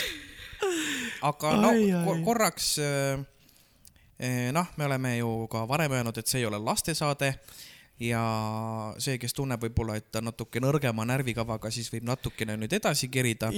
et eh, ma tahaks korraks peatuda seksi teemal. Kaarel, kuidas sinul on, ma räägin nüüd, kuidas on mul, onju, sa võid rääkida enda vaatevinklist ja Liis võib rääkida enda vaatevinklist. ilmselgelt, kuna ma olen ülekaaluline, siis seks on minu jaoks füüsiline töö see on sport ja. see on sport, on sport. ja, ja ma ütlen täitsa ausalt, et viimast korda, kui ma seksisin, no ma ikka olin läbimärg. ja, ja väga selles mõttes äh, mul endal tekkisid peas mingisugused äh, kartused või mingisugused mõtted, et, et samal ajal nagu teed seda seksivärki ja siis nagu see higi tilgub sellele partnerile peale. ja siis on nagu see, et nagu, et, et sa nagu mõtled, et huvitav, et kas teda nagu huvitab, kas ta tunneb ennast ebamugavalt, raisk, miks ma nii paks olen, miks ma olen nii higine. et nagu, kas sul on olnud siukest olukorda või kas, ja ikka, no, no selles mõttes sest et nagu mul ma oligi ütlesin, see, et ma olin täiesti läbimärg äh, umbes kümne minutiga. No ja ikka- siis oli, ja ei, see on sport. siis oli siuke, mul endal oli nii ebamugav, kuigi väga hea oli ma samal ajal aga ma tundsin, katkestama. Jah, ja ma olen pidanud katkestama, et võtta klaasik vett et või et, või et korraks nagu pulss alla saada, sest no tõesti on, on, on keeruline ja, ja nagu Liis siin ka ütles, siis ega oleneb väga positsioonidest mm, -hmm. millises asendis sa parasjagu oled.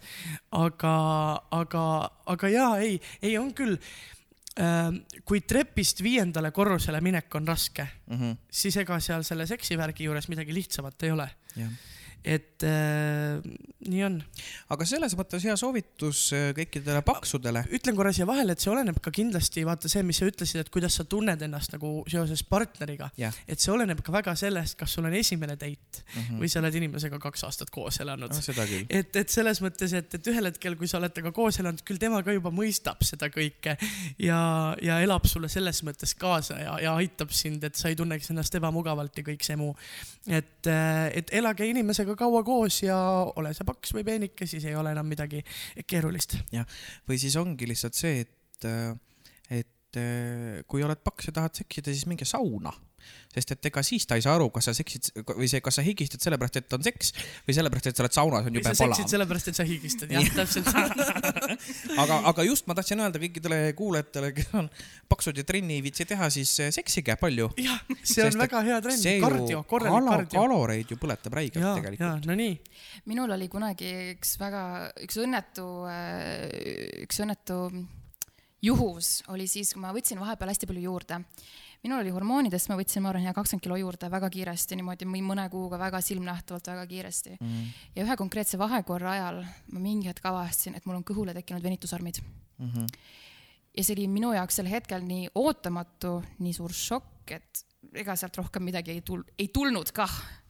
et see korralikult võttis, võttis äh, värisema igatepidi, et issand, et, et venitusarmid on jah, see üldjuhul, mis, mis tõmbab ikkagi korralikult sul pea selgeks, et nüüd, nüüd aitab. nüüd võivad kõik kuulajad siis tagasi tulla, kes on nõrgema närvikavaga, et me jätkame uue teemaga. me põgusalt rääkisime siin, kuna Joel Markus on, on oma siis kuidas öelda, kolmikvendadega või kaksikvendadega, kolmikvendadega. kolmikvendadega. ei, ma lihtsalt mõtlesin, et kui on kolmikud ja tema ise on üks, kas siis teised on tal kaksikvennad või ikkagi kolmikvennad? ikka kolmikvennad. ikka kolmikvennad.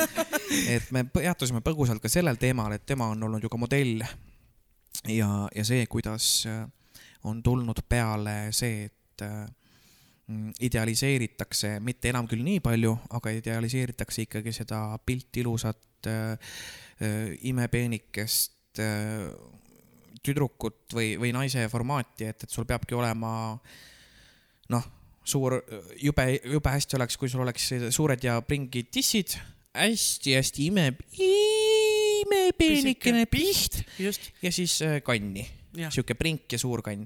et äh, kui palju sina oled elus kokku puutunud äh, sellega, et, et võib-olla sa ei vasta kellele, kellegi teise iluideaalidele või no. sotsiaalmeedia, kas see on sind kuidagi mõjutanud? nüüd vähem kui minevikus kindlasti, sest et minust on saanud lõpuks ikkagi inimene, kes saab aru, et see, oota kõigepealt ma küsiksin vahele, kas keegi on üldse oma silmaga kunagi näinud sellist inimest, siukest Kardashiani? Selles mõttes, et, et päriselu inimestest äh, mõnda olen, oled ikka, Aga- mina ei ole. aga ütleme, ütleme niimoodi, no mitte et päris Kardashiani, aga nojah, mitte päris Kardashianit või Dita Von Teese'i onju, aga, aga et ütleme, et, et midagi sinna lähedale, aga, aga mis on selle juures ka huvitav, et sa seda küsid, ongi see, et, et see muutub väga kiiresti, Mhm. et me vaatame ala, lähme jälle tagasi meie lemmikteema juurde, Eesti Noorte Muusikaliteater, läbi mille on hea rääkida. vaatame mõnda tüdrukut, kes on imeheas vormis ja järgmisel suvel enam ei ole. ja sellest järgmisel suvel on ta veel parem kui üle-eelmisel. et see ikkagi muutub, et, et ütleme, et, et sinna iluideaalile lähedale sa saad, aga, aga kaua sa seal püsid. Ja iluideaalid on ka väga erinevad. just, täpselt. et alati see, mida näiteks reklaamib meile Instagram ja, ja, ja muud äh, suunamudijad, et kuidas see õige elu justkui peaks olema, mis nende silme läbi muidugi on äh, korralikult fototuunitud, siis, siis mis ma, mul läks mõttelõng läks korraks kaduma, et äh, siis ongi õige aeg Liisil jätkata. just, sa küsisid, kas ma olen kunagi mitte vastanud kellegi iluideaalidele, absoluutselt. maitseid on ju erinevaid nähtavasti, muidugi on inimesi, kes äh, vaatavad mind tülgastusega kindlasti, aga on ka neid, kes ütlevad, et äh, minu keha on täpselt see, mida nemad äh, jahivad. aga minnes tagasi veel korraks sinna sotsiaalmeedia teemade juurde, siis mina küll olen endal äh, Instagrami pilte töödelnud äh, sõrmega kõik ennast just, sõrmega kuskilt jälle piht natukene peenikesemaks, pepu natuke jälle suuremaks. et ma arvan, et see on ähm, väga levinud asi meil, mida ma ei tea, kui paljud seda tunnistada muidugi julgevad, aga et väga paljud kindlasti seda ka teevad. ja muidugi see on ju võlts ja siis me, kas me siis elamegi selle mõtte järgi, et me nüüd tõmbame ennast siit peenikesemaks, siit suuremaks ja see nüüd ongi iluideaal, mis meist ometigi mitte keegi tegelikult ei ole. Aga kui sa oled seda teinud, pihta peenemaks ja pepud suuremaks, siis kas sa oled seda teinud sellepärast, et kui sa vaatad lõpp-produkti, seda pilti, kas sa tunned siis ennast paremini või sa teed seda sellepärast, et sulle tundub, et teistele meeldiks see versioon rohkem? uskumatu, kui ühtemoodi mõtleme, ma hakkasin täpselt sama küsimust küsima. Eesti ikka enda pärast. Mul on Instagrami arhiivides on mul äh, pilt bikiinides, kus ma istun basseini ääres ning äh, mul on väike kõhuke seal ees. mind see ei häiri, see on täpselt selline, milline ma basseini ääres välja näen. aga mis oli naljakas, oli pärast selle pildi üleslaadimist äh, saatis mulle üks noormees selle pildi sõnumitesse mulle endale, ütles, sa oled nii palju ilusam kui kõik peenikesed tüdrukud no vot, aga nii ongi. tollal, see oli nüüd oma kaks tuhat seitseteist aasta, oma, omajagu aastaid tagasi, mina solvusin. mõtlesin, mis mõttes, kas sa ütled mulle paks? see oli see mõttekäik, mis mul neli aastat tagasi toimus, kas ma täna enam niimoodi mõtleksin, no ma ei usu. aga kas sul on öeldud otseselt, siis küsime otse välja, et kas sul on öeldud, et eh, nagu sa enne mainisid siin eh, paks lehm? jaa, tere kindlasti. tulemast kuulama saadet Kolm paksu. kõige parem äh, koht, kus mulle on öeldud, ma olen paks, on Elu24 nelja kommentaarium. jaa. kuidas sa sinna said sinna üldse? meil keskkoolis me tegime lühifilmi äh, väga-väga rumal lühi- lühifilm, mille me siis Youtube üles laadisime ja mille Elu24 üles korjas, see oli tohutult naljakas. Tegime paroodiat siis äh, Seebikast ja laadisime siis selle jah üles. kevad südames on Kas see- kevad südames. kas see on olemas kuskil veel Jaa, videona küll.? me paneme selle ka üles vaatamiseks oma lehele, selle Facebooki lehele. Facebooki lehele, et äh, saate ka siis vaadata seda, milline Liis seal täpselt siis välja näeb. kuivõrd, jah. jah, milline lehm seal siis on. Õudne. jah, et äh, Elu24 korjas artikli üles ning äh, top kommentaar Elu24 artiklil oli Liis Oksa on paks. no super, vähemalt inimene on väga aus. oota, aga, oota, aga mis aastal see võis olla umbes? kaks tuhat kuusteist. mis on huvitav, sellepärast et, et mina äkki isegi mina mäletan, kirjutasin selle kommentaari, ma ei mäleta. mis on huvitav, sellepärast et mina mäletan küll kahe tuhande viieteistkümnenda aasta Liis Oksat ja see tütarlaps ei olnud kaugeltki mitte paks. ei olnud. Et Aga- äh, jõuame nüüd korraks siit teemani, mille ma tahaks tõstatada, et äh, kes teie arvates, kellel on õigust öelda teile paks ja millises olukorras Mina ja kellel ei ole õigust mina tahan teha? kohe vastata, ainult ühel inimesel on õigust mulle öelda paks ja see on minu arst. jah, kui minu arst ütleb mulle, et Kaarel, sa oled liiga suure kehakaaluga ja see hakkab mõjutama sinu tervist, siis on temal õigus seda öelda mm. -hmm. mitte ühelgi teisel inimesel ei ole õigust mulle seda öelda, muidugi on, öelge kõik, issand, kirjutage järjest kommentaaridesse, et ma olen paks. rõõmuga loen teid ja saadan teid ükshaaval kõiki kuhu iganes. aga et mitte kellelgi ei ole õigust selles mõttes mulle seda öelda või vähemalt ma ei võta seda kuidagi niimoodi solvanguna.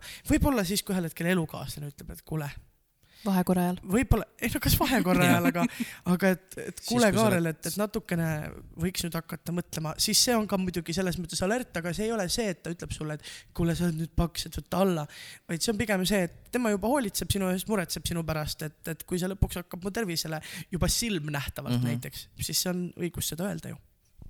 no vaata, seal on selles mõttes see vahe, et, et, et üks asi on see, vaata, kui mina ütlen, et noh, paks, mis passid sulle, see on nagu nojah, seda sa ütled ju kogu aeg. jah, me vastastikku jah ikkagi,, täpselt.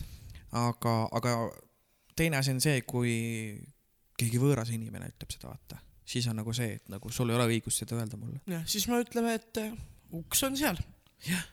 Liis, mõtteid? ja arst ja mina ise. küll aga on see, et kui ma võtan nüüd tohutult juurde, ise sellest aru ei saa, siis on muidugi hea, kui lähedased seda ütlevad, et noh, tõesti, et kuule, hakkab, hakkab aitama. Mm. et sellisel juhul küll. muidugi ka eratreener on see, kes võib öelda, et sa oled paks. kui sa oled paks, siis sa ei käi eratreeneri juures. ei, kui sa oled paks, siis sa just lähed sinna iive. Mina ei selles käi mõttes, et kui eratreeneri sa, juures ei. mina ka väärkult ei käi, aga, aga mul on täitsa siin hetkel juba terendab, on juba kokkulepped tehtud, et ma eratreeneri juurde lähen ja ma täpselt tean, millal ma alustan ja, ja kuidas see on ja ma teen seda rolli heaks ja ja et ma ei teagi, kui kaua me Margiga seda saadet saame teha, sest võib-olla suve lõpuks olen ma piine, peenem kui pitsavars. no siis me saame Liisiga edasi teha e,. aga noh, mina näiteks tõesti Johanna enda, meie kõigi sõbranna peale tegelikult solvusin. üks hetk äh, selles osas, et äh, ma küsisin talle, et aga miks sa ei ütle, et ma olen paks? miks sa ei ütle nagu, et, et mul vahepeal nagu võib-olla isegi tunnen, et ma vajan seda, et keegi ütleks mulle, et halloo, vaata peeglisse. sa oled suurem kui jõehobu. sa pead endaga ennast kätte võtma, sa pead äh, hakkama normaalselt toituma. Sa pead hakkama võib-olla käima trennis on ju, et võta endaga midagi ette, et sulle endale ju meeldiks ka, kui sa oleksid natukene kitsam, kui sa saaksid kanda võib-olla, kui sa ei peaks minema riidepoodi ja noh, ja vaatame, et kogu aeg on kõik otsas. täiesti eluline olukord on tõesti, et üks hetk ma, ma enda arvates ei ole nagu kõige suurem inimene, keda ma olen näinud. aga, aga täiesti eluline story, et, et kui ma lähen Saarasse, siis ma tean, et või noh, vähemalt nüüd tean, et Saaras näiteks meeste kõige suurem paar pükse on minul üks number liiga väiksed. vot täpselt sama, ehk siis me oleme Margiga täpselt ühte mõõtu, pintsakutega on täpselt sama, et äh, Saara kõige suurem pintsak on viiskümmend kuus või vähemalt alati on müügil kõige suurem pintsak viiskümmend kuus, aga meile oleks paras täpselt viiskümmend kaheksa. ja, aga õnneks selles mõttes mina hands down te, teen siin nüüd oma varjatud reklaami, et äh, HM, mina olen leidnud väga palju väga ilusaid riideid äh, XXL suuruses äh, HM-ist, mis tõesti ka istuvad mul nagu seljas enam-vähem, et, et äh, kuigi ka neil ei ole see alati olnud see niimoodi, et, et ikkagi suuremad inimesed saaksid riideid endale leida, et võib-olla naistel vaata naistega on olnud pikemalt see, et, et äh, plusssuuruses naised, et neile on nagu rohkem mõeldud no aga me saame kohe küsida. naiste osakond, aga, aga meestega, meestega tuli minu meelest alles hiljuti see näiteks sihukestesse suurtesse brändikettidesse nagu näiteks Zara ja H ja M ja New Yorker ja nii edasi ja nii edasi. Et Et, kõigiga peab äh, arvestama. et kõigiga peab arvestama, et, et kui naiste suured numbrid olid müügil juba ammu, siis meeste omad, ma ütleks, tulid mingi hiljuti, viis aastat tagasi umbes. sihukesed, kus sa näedki, ongi särgi peal eraldi silt XXL ja sa näed kohe, et ahah, et see on suurele inimesele mõeldud. see on selles mõttes on, on huvitav, et ütleme, et ka keha proportsioonid on ju erinevad, et ma võin olla suur, aga et kui ma lähengi Saarasse neid kõige suuremaid pükse vaatama, et kas ta siis jah, ta mulle pihast võib-olla läheb, aga kas ta mulle säärest on jälle suur mm. -hmm. et see on ka nagu selles mõttes asi, millega moetööstus paratamatult ei arvesta. et näiteks kui ma lähen särki vaatama, õlast on ju paras, aga kui ma olen ju paksem, et siis on mul ju rinda ka sedavõrd suurem. et sellega nagu on no sul see... ongi natukene suurem rind, et see ei olene sellest, mis on su kehakaal, sul on alati olnud veidi suurem rind. just, et äh, paratamatult ma ei tea, kelle jaoks neid riideid õmmeldakse, et mis mannekenid sellises suuruses on, aga riiete, plusssuuruses riiete puhul tihtipeale ei arvestata sellega, et kui sul on ühest kohast suurem, siis on sul ka teisest kohast suurem, et mm -hmm. natukene on mingi proportsioon on sealt paigast ära. no samuti meie väga hea sõbranna, kes on päris rinnakas ja on ka olnud juba teismelise east väga rinnakas tüdruk. ja see ei tähenda, et ta on äh, olnud alati ka suur tüdruk. jah, ta on Jah., ongi, ta on väga rinnakas, piht tal võib olla väga väike, aga ta lihtsalt ongi väga rinnakas. ja, ja nüüd on lõpetamine tal tulekul ja ta ütlebki, et äh, ta peabki endale laskma Õmmelda, õmmelda lõpukleit, sellepärast et kõik ilusad kleidid tal igalt poolt läheb, jalad lähevad, reied lähevad, puus läheb, piht läheb, aga, aga vot rind ei mahu. Mul on äh, suve lõpus tulemas äh, sõbranna pulm, ma olen Brutneitsi ning äh, just mõni päev tagasi sain endale kätte Brutneitsi kleidi, mille ma siis ise tellisin endale suuruses kaheksateist. poisid, vaatate mulle otsa, kas ma olen suurus kaheksateist? tegelikult ei ma ei ole. oska nagu palun võrrelda, mis vabandust, ma see ei on. tea jah, mis see tähendab, selles mõttes, et ma võin olla küll igas mõttes äh, ütle tähtedega umbes. ma, seda ma ei oska sulle öelda, ta on kindlasti XXL, kui mitte XXXL, ta on selles mõttes kaheksateist on väga suur suurus. Ta Okei. on mulle paras ainult rinnast. minu piht sedavõrd on jällegi sellest oma neli numbrit kindlasti väiksem mm. Mhm. -hmm. see kleit istub mulle pihast tohutult halvasti, ta on mulle suur. Sa pead kokku võtma, ma pean kokku võtma. ehk siis sa pead ikkagi, sa pead ikkagi olema rätsepstilist ka ja, ja sellise kehakaaluga enda, enda juures, et kui sul on suur rind ja sa ostad rinna järgi mm -hmm. endale riideid, siis sa pead alati neid ümber tegema. jaa, ongi, sest et äh, rinna juures tegelikult ma, kui nüüd vinguda natuke, on kitsas ka. Piht sedavõrd, no neli numbrit väiksem kleit läheks mulle suurepäraselt selga mm, -hmm. kui lihtsalt tissid küljest ära võtta. nojah, no oleks ainult see võimalus, mingisugune selline, selline värk. no ja ka juba rinnahoidjate, ma olen vähemalt kuulnud väga oo, ära alusta seda teemat, see on omaette podcast. rinnakate, rinnakate naiste ja tüdrukute käest, et noh, see rinnahoidjate otsimine üleüldse on ikka no sihukene klaperjaht, et noh No meestel on selles mõttes see, et noh, bokserid või, või trussikud on ju, et ega seal väga palju valikuid ei ole, aga, aga et õige suurus saada. jah, aga mis te arvate üldiselt sellest, et äh, ütleme, naiste enda keha imidž selles mõttes, kui palju on neid naisi, kes räägivad, et oi, ma olen paks, ma olen paks, kuid peale vaadates ütlen, sul ei ole häda mitte midagi. no neid on ikka palju. no on, isegi, isegi mina tunnen ikka mitmeid selliseid, kellele tahaks ikka vahepeal ikka anda väikse võmmu kuklasse, et kuule, tüdruk, et äh, võta ennast nüüd kokku. et, et aga, aga samas sa saad ka sellest aru, et ega, ega ta võib-olla näebki hoopis teistmoodi. ja näebki, mina olen kõvasti alla võtnud. Pärast seda, kui mul äh, see suur kaalutõus oli, ma olen ka selle suht kõik ära kaotanud. et äh, täna ma ei ütleks enda kohta, et ma olen paks, kurvikas, absoluutselt, aga paks kui selline ma enda kohta täna enam ei ütleks. küll aga põnev lugu taaskord, mina põdesin aasta alguses äh, koroonat läbi. Ning äh, Terviseameti esindaja helistas mulle, küsis siis minu üldise tervise kohta, et äh, kuidas tervis on, kuidas on ja siis küsis ka minu kaalunumbrit, ma ütlesin, et ma tõesti ei oska öelda, ma olen mis see nende asi on? kuidas see koroonaga seotud on? üldiselt terviseandmed, et kuidas mul on, kas mul Okei. on mingid allergiad, kuidas ma üldse läbi põen, et noh, üldiselt, kuidas no on minu üldine teada, et kui sa oled kahekümne viie aastane ja kaalud kolmsada nelikümmend seitse kilo, siis midagi on valesti. just No, nojah. see ei tähenda seda, et see oli Liisi eelmine kaal, ma lihtsalt tõin näite. nähtavasti mitte. Niisiis ta küsis mult, et kuidas selle kaaluga, ma ütlesin tõesti, ma ei oska öelda, ma olen ennast aastaid kaalunud, et ma ei oskaks sulle isegi pluss-miinus kümme kilo, ma arvan, ma ei oskaks sulle öelda, ma ei tea tõesti. ja ütles okei okay,, aga oled sa peenikene, keskmine, ülekaaluline, et no mis sa arvad? ma ütlesin, et no kui võtta kehamassi indeks arvesse, siis ma kindlasti ütleks, et ma olen ülekaaluline, mille peale see Terviseameti esindaja hakkas naerma. ütles, et tema ei ole veel kogenud, et ükski naine ütleks, et ta on normaalkaalus või peenike. kõik ütlevad, et nad on ikkagi ülekaalulised no just, mida ma tahtsin ka öelda, enne kui sa selle küsimuse tegid, et ma ei tea, kas ma üldse olen näinud naist, kes ei ole kordagi mõelnud vähemalt kaalunumbri peale. ja, ja mida väga kurb on äh, kohati võib-olla jälgida või, või kuulda, et, et me sellel teemal väga pikemalt ei peatu, sest et muidu võib-olla läheb liiga kurvaks, aga, aga imepeenikesi tüdrukuid ja ja, ja sa kuuled, et, et ongi söömishäire, et kas siis anoreksia või, või buliimia või, või, või mis edasi, sellepärast ja, ja noh, nii see mõttemaailm on nii teistsugune, et, et nagu tahaks ju võtta, näidata ennast kõrvale, et vaata mind, kallis, see on paks. pane meid kõrvuti peeglisse. sest et see, et tema tunneb, noh, nii et sa tõesti näed põhimõtteliselt temast läbi, ta on nii peenike. ja ta tunneb, et ta on ikkagi kõige suurem lehm üldse. ja see on nii kurb tegelikult. aga see on jällegi samamoodi, kelle arust oled sa paks, kelle arust sa ei ole paks. täpselt sama, millega me seda saadet ka alustasime, et äh, mina võin peeglisse vaadata, öelda, et ma olen täiesti normaalne, keegi teine ütleb, et sa peaksid tohutult alla võtma, samamoodi toimub see ka tegelikult nende peenikesse, meie mõistes siis peenikesse tüdrukute peas, Mm -hmm. et see on täpselt seesama lugu.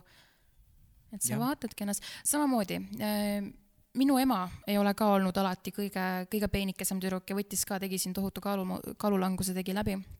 me alles temaga peatusime üks päev sellel teemal, et kui sa võtad alla nii tohutult, oma kakskümmend kilo ikkagi võtad alla ja sa hakkad endale uusi riideid garderoobi ostma, sest et terve garderoob on lihtsalt sulle suureks jäänud, käid nagu telk ringi et siis tegelikult sa oma peas sa ei saa aru, et sul need väiksed numbrid selga lähevad, ikka haarad seal X-eli, ikka Mhm, haarad seal XXL-i.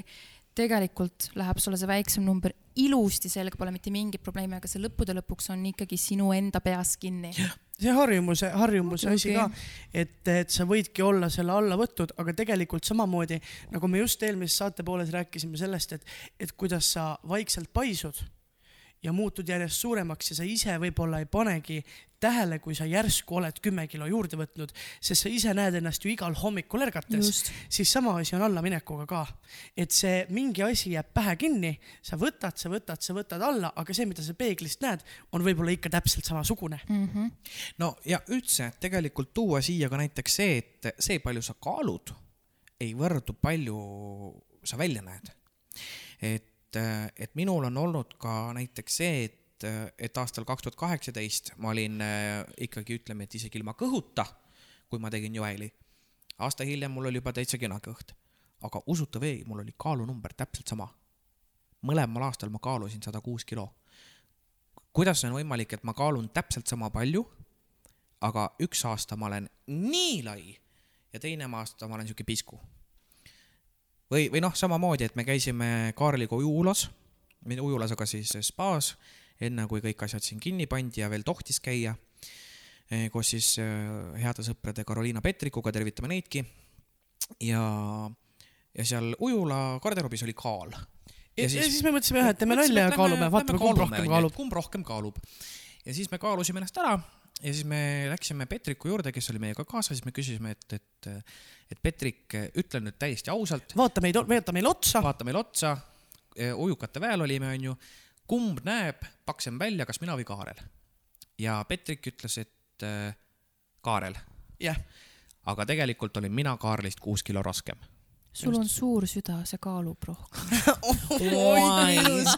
selle me võtame, selle me võtame tsitaadina välja ja ma panen sinna selle Fairy Dusti hea sound'i panen ka taha pärast. jah, printige see T-särgile. et, et vahel, vahel on, vahel on jah see, et, et aga samas on jälle näiteks noh, see oligi see, et tollel hetkel äh, Petrik ütles ilma riieteta, et mina näen suurem välja. jah, tihtilugu on jälle näiteks äh, kui me Margiga seisame kõrvuti ja, ja olen küsinud, et, et kes näeb suurem välja, siis öeldakse jällegi Mark ja seal on ka üks huvitav äh, tegelikult vahe, seal on näiteks rühivahe Mhm. et kuna Margil ei ole rüht nii sirge ja kui sa seisad niimoodi, et sul on õlad natuke allpool, siis kõht tuleb rohkem välja mm.. jah, ja et see on ka vahel, ma vaatan mõnda inimest, kes on natukene suurem, suurem ja siis sa vaatad seda, et, et kui lihtne on teha näiteks seda pilti, et enne ja pärast lased õlad natuke allapoole, oled kohe kümme kilo raskem mm. -hmm. ja siis tõmbad endale selja sirgu ja oled kohe kümme või isegi kakskümmend kilo kergem.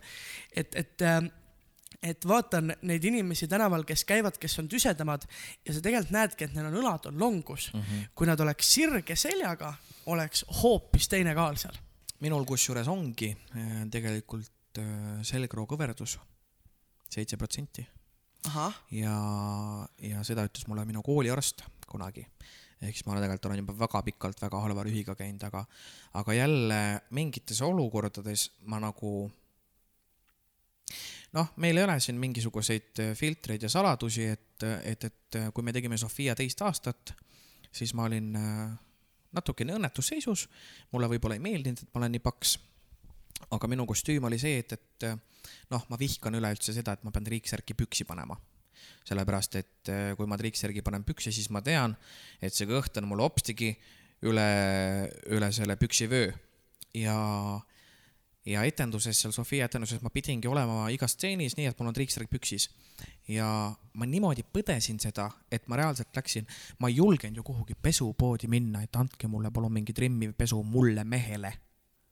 Siis ma läksin Balti jaama turule ja, ja ma läksin sinna mingisugusesse urkasse, mingisugusesse, no mis, vabandust, mis ei olnud urgas, aga seal Balti jaama majas, siis teisel korrusel oli siis naiste pesupood siis ma läksin siukse jutuga, et tere, et kas teil trimmivat pesu müüakse.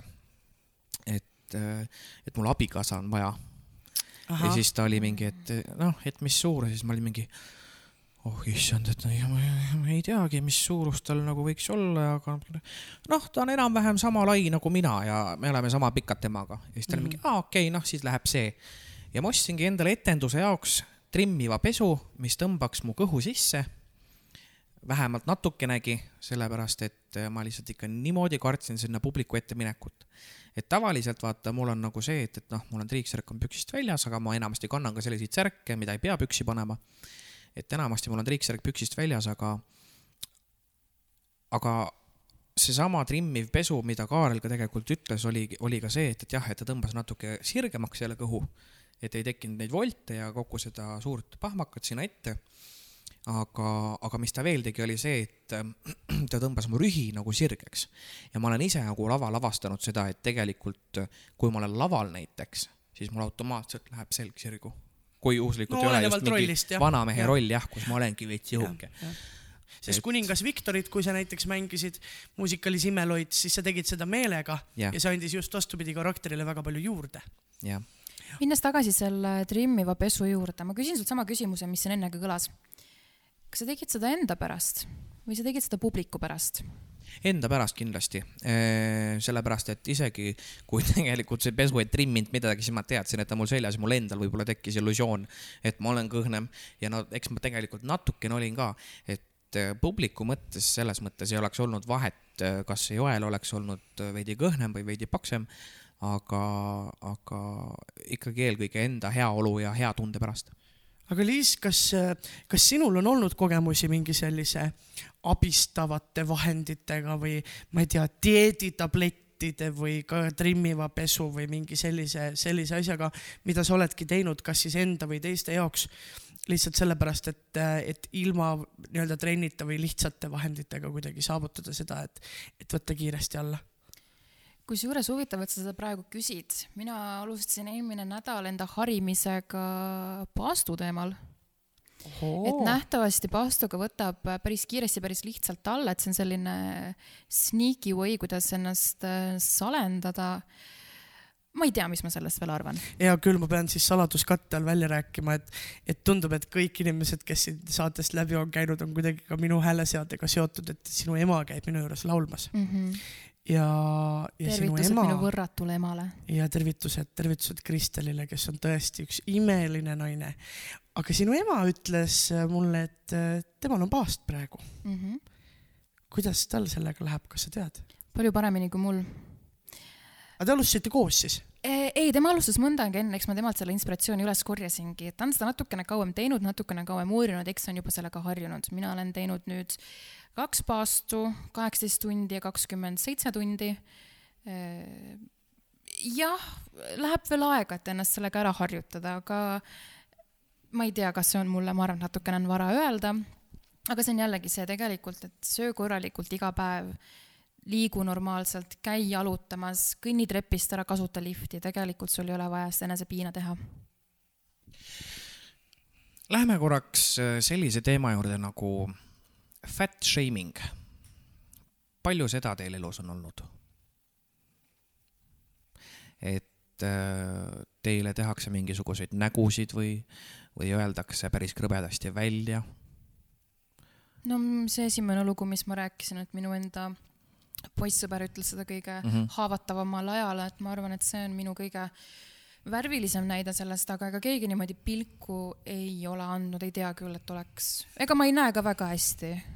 ei ole siis silmanägemine kõige ei parem? ei ole minul ei ole üldse silmanägemist, et ma pole üldse seda nagu, ei ikka jah, kommentaare, väikeseid mingeid selliseid asju, no Superstaari ajal võib-olla mm -hmm. natuke tuli. aga, aga et see oleks mingi selline, mingi thing, et nüüd ongi hullult, kõik ütlevad ja kõik kuidagi, kõik märg-, märkavad seda nii hullult. ei, ei ole, ei ole olnud. küll aga äh, jah, ma tahtsin mingil teemal rääkida, see läks mul nüüd meelest ära, loodame, et see tuleb mul meelde uuesti. dieedi teemal tahtsid äkki rääkida? ei, ei ole, ei, ei, ei, ei, pigem ei ole olnud jah, sellist, sellist olukorda, et, et äh, olen nagu olen ja. ma lihtsalt mõtlesin, kuulasin praegu ja ma mõtlesin äh, päris pikalt ja laialt, et kas ma võtan selle teemaks või ma ei võta seda teemaks. Aga mul endal on võib-olla natuke tunne, et kui ma selle nüüd välja räägin, siis äh, võib-olla mul endal läheb natuke kergemaks ma ei taha nimetada seda asutust ja ma kindlasti ei nimeta neid nimesid, sellepärast et ma ei taha, et üldse mingisugune kuskilt võiks mingi jutt laiali minna või et keegi saaks pärast kuskil mingit peapesu. aga ma olen teinud koostööd ühe teatriasutusega. ja mõnda aega ja ma olin siis, kui ma sinna läksin, siis ma olin neliteist ja ma olin hästi kõhna, hästi ilus ja, ja siis ma ju üks hetk hakkasin juurde võtma, aga ma ikkagi tegin kaasa. ja minu otsene ülemus ütles mulle niimoodi, et sa võiks hakata dieediteed jooma Wow. et sa võiksid järgmiseks nädalaks nagu vi- viis kuni kümme kilo maha võtta. ja, ja kui ma läksin a la kas kostüümiproovi või, või äh, noh, tõesti pikalt ei olnud näiteks mingi midagi, midagi kaasa teinud ja lõpuks tegin läksin jälle kaasa tegema. ja tõesti avastasin, et mul püksid natukene on väiksed, ei lähe enam eest kinni ja läksin paluma näiteks number suuremaid pükse endale lavale. tavalised viigipüksid, mitte midagi erilist, vaata. siis alati oli siukene jälle suhtumine no ütleme, et eh, võib-olla teatriasutuses ongi see asi natukene selline, see on selline delikaatne teema. et ega keegi ei taha ju näitlejale öelda, et äh, kullakene, kallikene, et sa oled, äh, vabandust, viimasest hooajast oled kümme kilo juurde võtnud, et me peame hakkama sulle uut kostüümi tegema, seda enam kui näiteks ka karakter või roll, mida näitleja laval mängib. kui sa ikkagi mängid äh, ma ei tea, ei mingeid seoseid, aga, aga võtame esimese ettejuhtuva asja, mis mulle meelde tuleb, kui sa mängid Belli muusikalis Kaunitar ja Oletis mm. Mhm. ja ühel hetkel see Bell kaalub sada kilo, siis see ei ole enam Bell. et, et kui noh, et aga need vaata, ikkagi teatri, selliseid no seda, seda küll jah, et need ei ole selles mõttes, see on nagu delikaatne teema. et, et võib-olla teatri puhul ma seda grammi, grammi võrra mõistan. samas äh, olen ma ikkagi kuulnud ka lugusid äh, väga suurtest näitlejatest ja väga-väga nii-öelda mitte, mitte, sest sina olid ikkagi nii-öelda suhteliselt taustategelane äh, jah, no mitte peategelane, aga Ja- jah, kindlasti ja- ees. aga, aga ka, et peategelased ja, ja sellised suuremad rollid, et kus, kus äh, ükskord üks äh, naisnäitleja võttis aasta jooksul väga palju alla, siis taaskord väga palju juurde, taaskord väga palju alla ja taaskord väga palju juurde, iga kord oli talle vaja teha uus kostüüm. et, et selliseid olukordi on, on küll ja, ja sellel hetkel küll peaks ikkagi ütleme, näitleja modell, mis iganes sellise valdkonna esindaja peaks ikkagi arvestama sellega, et tal ei ole, et see on tema töö ja tal ei ole nagu ähm, tal ei ole nagu seda võimalust, et ta saaks lasta oma kaalul väga palju edasi-tagasi käia, kui see on tema enda teha. jah, aga just oligi, ongi nagu see, et, et ei tasu nagu, ei tasu, mul ei olnud siukest asja, et, et väiksemaks, suuremaks, väiksemaks, suuremaks. Läksingi suuremaks. ja ei tasu ka unustada ka seda, et tegelikult nagu, kui sa töötad kostüümi valdkonnas, siis see ongi sinu töö ei, igal juhul muidugi, absoluutselt. ja see ei ole sinu asi küsida, miks ma olen nii suur, see ei ole sinu asi teha nägusid, sellepärast et sa ei tea, miks ma olen läinud paksuks. jah, võib-olla tõesti minu puhul me eelmises saate osas ka rääkisime, et oli söömisest ja tablettidest.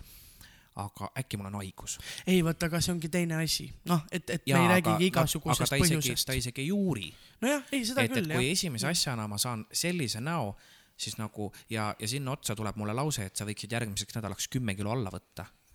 ma ütlen päris ausalt, ma läksin koju, ma nutsin ei no seda muidugi, absoluutselt. ja, ja mina ei õigusta selles mõttes mingisugust äh, siukest äh, jah, võib-olla tõesti, kui sa mängid printsessi Disney muusikalis, siis, siis võib-olla tõesti sajakilone Disney printsess võib-olla noh, ei tea, aga, aga kui tõesti tegu on mingite viigipükstega või, või et palun anna mulle number suurem valge triiksärk, mis on ladudes, on nagu hunnikus.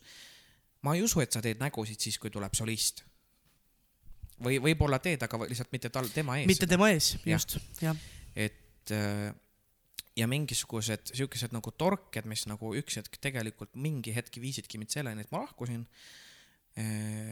pidevalt äh, olidki siuksed, et noh, tulin sinna ja, ja juba esimene asi, mis ma, mis ma kuulen koridori pealt, on siis siukene, et, et noh, et oled jälle juurde võtnud või saame seekord selle kostüümiga hakkama vä nojah, see siis on küll tõesti tahaks nagu tõesti, Juhan võib mängida paar nooti, aga tahaks öelda tõesti, et kuule, käi perse nagu ausalt ka.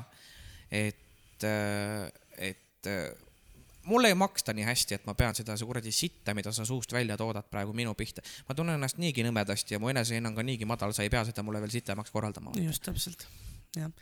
Sul on olnud, Liis äh,, nagu töö või töökohustuste või sellise, sellise valdkonnaga mingisuguseid torkeid? ma käisin kunagi tööl ühes rõivkaupluses, kus meil oli vormiriietus. vormiriietuseks oli triiksärk. kõik naised, kes seda praegu kuulsid, kellel on natukene rinda, naeratasid, sest et nad teavad, et triiksärk ja rinnad ei käi kokku. sealt mul rinnahoidjad ikka päris mõnusalt äh, urvitasid välja ja et äh, selles mõttes see ikka oli suur, suur pahandus oli see, et käid korraks sealt rõivkaupluses, käid äh, peegli ees, käid mööda, ainuke asi, mida sa näed, on, on kahe nööbi vahelt piiluv rind. aga et kas see- te sinna alla ei tohtinud panna midagi maikat või mingit siukest?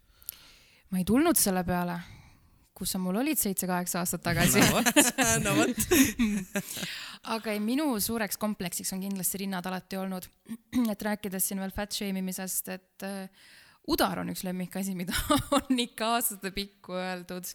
et äh, õudne asi, mida. issand, mulle jõudis praegu kohale, sulle on öeldud udar. mitte. tõesti ja, ja, issand. rohkem no kui korra. tõesti, no ei tea. rohkem kui korra kindlasti.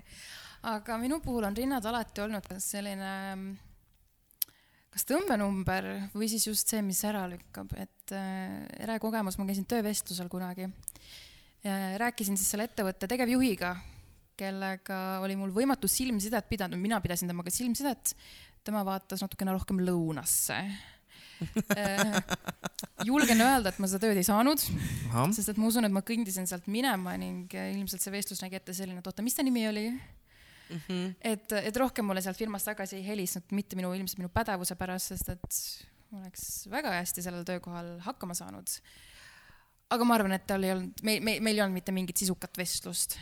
tema pilk oli hõivatud. no aga siis ma väga imestan, et sa seda tööd ei saanud. või ta just ei võtnud sind sellepärast, et tal oli vaja ka tööd teha. muidu ta olekski olnud kogu aeg hõivatud. äkki ma mäletan, et tal oli siis üks sõrmus sõrmes, jah, sul on õigus. ja, aga Jah. kui, kui palju sind on äh, ahistatud?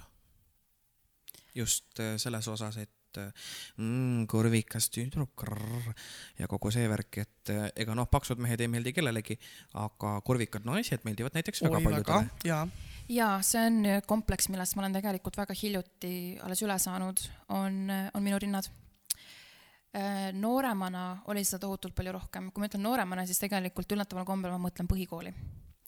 mul keha hakkas väga varakult arenema, ma arvan, et mul oli kuuendas klassis äkki olid C-korv juba et ma olin noh, väga rinnakas väga-väga noorelt ja kuna ma olen äh, pärit Pärnumaalt, Pärnu külje alt, siis meie maakoolis oli väga-väga vähe rahvast, seega meil ei olnud seal väga inimesi, keda kiusata. seega leitis üks väike must rinnakas lammas ja kiusati. Mudarakas ja kiusati, kiusatigi sellepärast, et sul on suured rinnad. jaa ähm,, on olukordi olnud, kus äh, poisid piirasid mind ümber, tegid äh, ringi minu ümber ja näppisid kordamööda. ma üritasin ennast äh, selles mõttes kätega eest kinni hoida, keegi võttis käed, pani mul selja taha ja lihtsalt näpiti, tõmmati särki seljast ja jah, seda on olnud ükskord, ma mäletan issand, isegi. see, ja see oli, see oli, ja see oli sinu jaoks väga ebamugav jah? arvad? ei, ma lihtsalt tahtsin küsida, ei? ma lihtsalt tahtsin väikse, väikse nalja teha, et sealt said kõik mu kingid äh, alguse. ei, teine mahlakas juhtum oli, oli nimelt, ma jäin peale tunde, kas ma jäin mingit kontrolltööd kordama või miskit ja pooli bussini oli veel natukene aega. istusin üksikult äh, pingi peal ja kuskilt äh, tunnist tulid ka poisid ma ei tea, palju neid oli, võib-olla neli-viis tükki tulid ja kuna kõigil bussi on aega, siis no mis me teeme, lähme kiusame Liisi. võeti, üks võttis jalgadest, teine võttis kätest, mind võeti poistevetsu, kraan tõmmati, kraan tõmmati käima, pritsiti läbi märjaks, sest mul oli ju valge T-särk oli sel päeval seljas. päriselt. te ei kujuta ette üldse, mis siin ruumis praegu toimub, meie mõlema kulmud Margiga puudutavad reaalselt lage. Äh, vajab mainimist ka, et ma olin võib-olla mitte rohkem kui kaheteist-kolmeteistaastane sel hetkel, et äh, tegelikult noh, laps, laps, aga need poisid olid äh, sama vanad. äkki mõni aasta vanem. Mõni aasta vanem. jah, võib-olla seal natukene põhikooli lõpuklasside poole, aga ikkagi jah, vanemad. see on ikka õudne, see on ikka see on õudne jah, aga sellisel hetkel, no siin me läheme juba koolikiusamise teema peale üle, kui me ütleme, et aga mis laps sel hetkel teeb. emale sa rääkida ei saa, klassijuhatajale sa rääkida ei saa, siis mis nad teed? Aga- räägid ära, poisid saavad pahandada, homme teevad uuesti. jah, aga sa siis ei võtnudki midagi tollel hetkel ette? ei, sinnapaika see teema jäi ja mis on huvitav äh,, swipe isin mõni aasta tagasi, swipe isin Tinderis ning mulle sattus ette minu endine koolikiusaja, ka üheks nendest poistest, kes mind tol päeval sinna WC-sse vedasid. ja ma mõtlesin, vaatasin tükk aega seda profiili, mõtlesin, mida ma teen, mõtlesin, et tead, ma lükkan paremale. igagi, vaatame, mis saab, siit võib hea pull tulla. Liis, sa oled võrratult kauniks nooreks naiseks sirgunud, mis sõnad, mis mesi sealt voolas. ma isegi ei vaevanud talle vastust andma, unmatch isin ka, et mõtlesin, et noh, täitsa pekkis, kuidas sa nagu, kuidas sa julged? ja sina ütlesid, et sul ei ole munn mitte ainult enam püksis, vaid sul on ka juba näos. et, et, et ole vait värdjas. aga Kaarel, ka sinul on üks äh, vahva lugu ühest koolikiusajast, kes sind kiusas. oi, kui me nüüd korraks siia teemale läheme. ütleme niimoodi, et see on selline, kui te nüüd kujutate ette sellist äh, Disney filmi, kus on äh, üks selline võib-olla väike paks poiss, keda koolis kiusatakse ja kellest ühel hetkel kasvab selline Disney prints, siis võib-olla see on natukene selline High School Musicali ja, ja, ja sellisesse stiili selline lugu, mis minuga juhtus. ühesõnaga mind kiusati ka koolis ikkagi väga-väga hirmsalt ja seal olid ütleme ka sellist kolm-neli vanema klassi poissi, kes ikka, no ma olen ikkagi saanud vastu lõugu ja mind on lükatud peaga vastu, vastu nagisid, mis garderoobis oli ja, ja et ma olin ikka selles mõttes kooli minekul ja tulekul olin ikka veits hirmul kogu aeg. Ja aastad läksid mööda ja ma sattusin siis ikkagi Tallinnasse kooli ja, ja, ja kuidagi minu elu läks selles mõttes väga hästi, eelmistest saadetest on juba olnud kuulda ka, et, et äh, mul tulid kohe sarjad ja, ja ja siis äh, mul õnnestus mängida kohe väga kiiresti äh, ühes muusikalis koos äh, Ketteri Jaaniga ja ma tervitan siit Ketterit praegu. Ja meist said Ketteriga väga head sõbrad.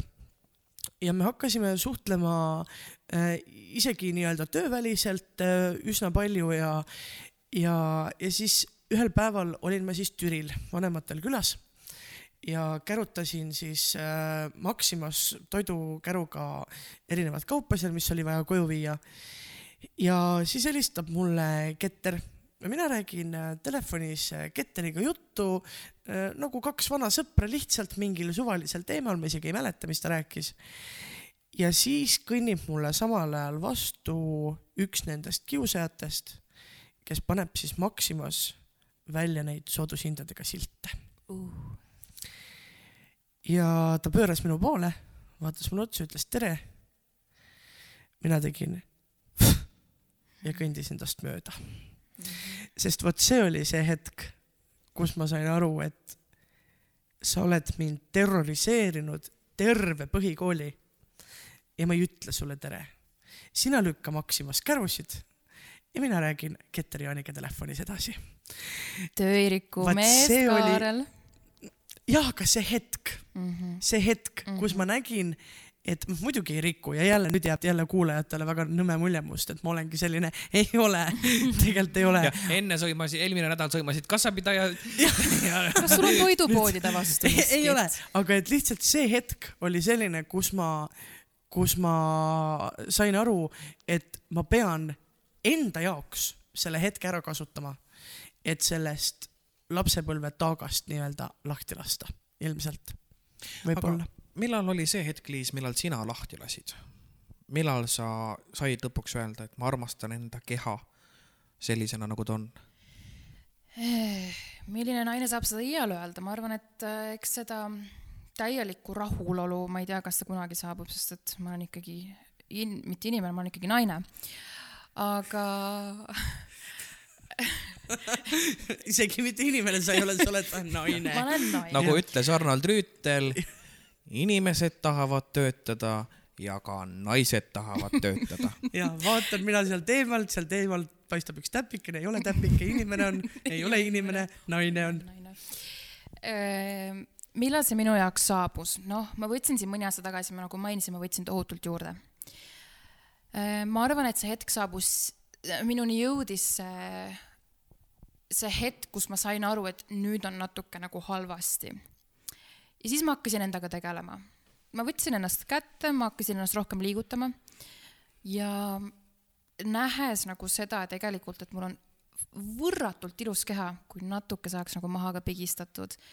et ma arvan, et see on see sisemine mingisugune, mingisugune kelluke, mis mul seal peas nagu tiliseb, ütleb, no kui sa natuke veel nagu pingutaksid, siis sa oleksid ka nagu päris rahul. et ähm, ja ma arvan, et see on see teadmine, et tegelikult ma olen nagu kena naine. mul ei ole häda midagi, et ähm, lihtsalt tuleb üle olla sellest, et ma võiksin olla parem mm,. Jaagup Tuisul on üks äh, väga hea laul. See on tal vist üks esimestest lauludest, mis tal tuli, enda official laul, tal vist enne seda oli Käes nüüd aeg. Ja, ja siis tuligi teine. teine lugu, mille nimi on Legendid oma loos. sa ilmselt oled näinud, kuulnud? Ja ja, ja, ja, ja miks mitte selles mõttes äh, ka kuulata seda lugu korraks, et et, et see räägib ju tegelikult küll mitte kehakaalust otseselt, aga tegelikult ta räägibki sellest, et ükskõik, milline sa ka ei oleks, siis äh, peaasi, et sa ise tead, et, et, et sa oled staar ja et sa oled võimas. aga enne kui me seda võiks kuulata, siis äh, Liis, kas äh, tahad sa teha, me oleme siin lasknud alati reklaami teha endale, et kas sa soovid ennast reklameerida kuskil, et kust sind leida või kus sinu pilte like ida või sulle kirjutada, kui keegi soovib või?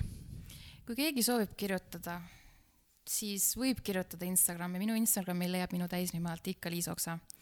saame sõpradeks, like ime teineteise pilte ning kiidame teineteise ilusaid nägusid ja kehasid. jah, ja ja mis öelda, siis olen natukene veidi šokis nendest Liisi lugudest, et kui kellelgi selline lugu peaks olema ka praegu aktiivne, siis äh, ärge kartke teha suud lahti, ärge kartke pöörduda kuhugi, isegi kui toimub, et äh, tu- tundub, et äh, võib-olla on äh, liiga, ei olegi kellegi poole pöörduda, siis ikkagi palun tehke, sest et ma ei tea, kuidas sul, aga, aga kui minu, minuga oleks tehtud äh, niimoodi, et mind jalgu pidi lohistatakse mööda põrandat, poiste vetsu hoitakse mu käsi vägisi selja tagant kinni ja siis tehakse mu särk märjaks ja katsutakse kambakesi mu suguelundeid või, või intiimseid piirkondi, siis ma saaks sellest nagu ikkagi väga korraliku trauma. ja, ja siin on oluline jah mainida seda, et abi võib tulla ükskõik kust, abi võib tulla luuavarrest.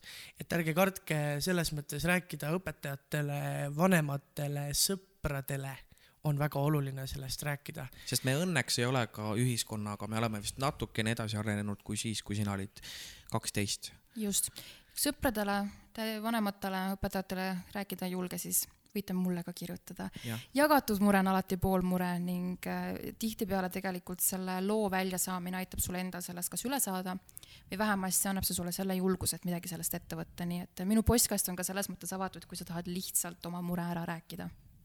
Ja ka meie postkast on avatud kaks paksu, et gmail.com või Facebookis, et äh, et ähm, jätkuvalt tuletame meelde, et see on koht, kuhu te võite esitada meile küsimusi, te võite kirjutada sinna mingit suvalist pläma, võite saata meile mingisuguseid asju, millest me võiks rääkida või keda me võiks külla kutsuda või, või, või näiteks just nagu ma ka mainisin, et kui teil endal on mingisugune lugu, mida te tahaksite jagada, siis meie garanteerime teile anonüümsuse. kui te soovite seda teha täiesti anonüümselt, keegi ei keela teha korraks liba meil, saata meile see meiliga oma lugu ja isegi võib-olla, kui me kõiki lugusid siin ette lugema ei hakka, aga võib-olla ka hakkame, ei tea, oleneb lugudest, siis, siis ma arvan, et meil endal on väga huvitav lugeda ka, ka teie seisukohta, et, et tahaks jälle kuulajatega teha niisuguse suhtluse. just, täpselt. aga Liis suur,, suur-suur aitäh, et sa olid nõus tulema ja rääkima just naiselikust küljest, enda kogemustest enda mõtetest, et esimeses saate pooles oli meil Joel, kes rääkis siis üleüldse nii mehe poolest kui ka, kui ka vaimsuse ja, ja, ja muu poolest. ja, ja see, et, et sa tulid ja rääkisid natukene ka seda poolt, mida meie Kaarliga ei tea üldse, on ainult väga tänuväärne tegevus. aitäh kutsumast, aitäh vastu võtmast mu kutset just, jah, jah ja. ja.. mul oli võrratu tund teiega. aitäh. just, ja legendid oma loos iga päev oled nõrgus sa, mõtled, mida tegema sa peaks, et sul peaks. ei oska ju tahta sa midagi muud ja oledki endale tõkkepuu, nii kaovad päevad ja kuud. Kui ootad elult käsipuud, siis saabki sinust jah skulptuur või hullem veel Youtube. kuid käes on aeg, jah käes nüüd aeg on otsida elult midagi uut, et lahti pääseksid ja toimuks buum. nüüd kustutame piirid, vanad eluviisid matame.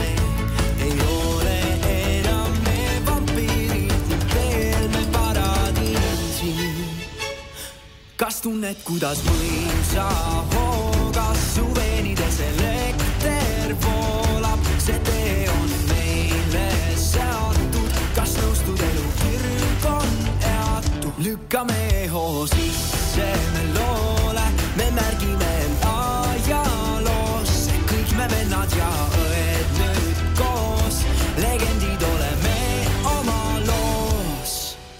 ma näen, et maitse suusaid ja vabadus on suur ja lai, nüüd kõigele sa vastad. kuule davai, kui tead meeles hoidma pead, kui üksi elust läbi end vead, võib saada sinu elust purpallaad. kuid kui leiad kaasas, et sa teed kell samad sihid silme ees, siis tunned seda lõpuks enda sees. ei keegi takista nüüd meid, meil löövad välgud südameis silmis näen teil kõigil sädemeid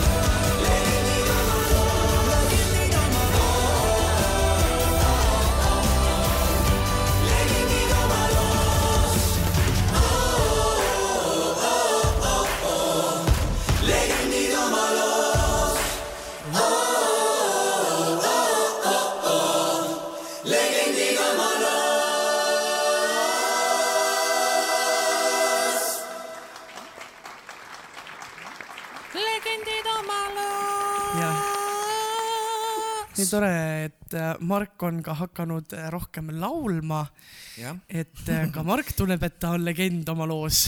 no kuule, see on nii võimas video, et ikkagi vaadake Youtube'ist järgi, et see on niisugune päris cool, sihuke seitsekümmend pluss tantsijat ja, ja ja trammis mitte lükatakse. seitsekümmend pluss tantsijad, vaid seitsekümmend pluss tantsijat. rahvatantsu, rahvatantsugrupp Hõbelõng. hõbelõng ja äh, virvatuled, et äh, et, et aga aga olge ka seitsekümmend pluss inimesed on legendid enda jaa, loos. kindlasti, absoluutselt.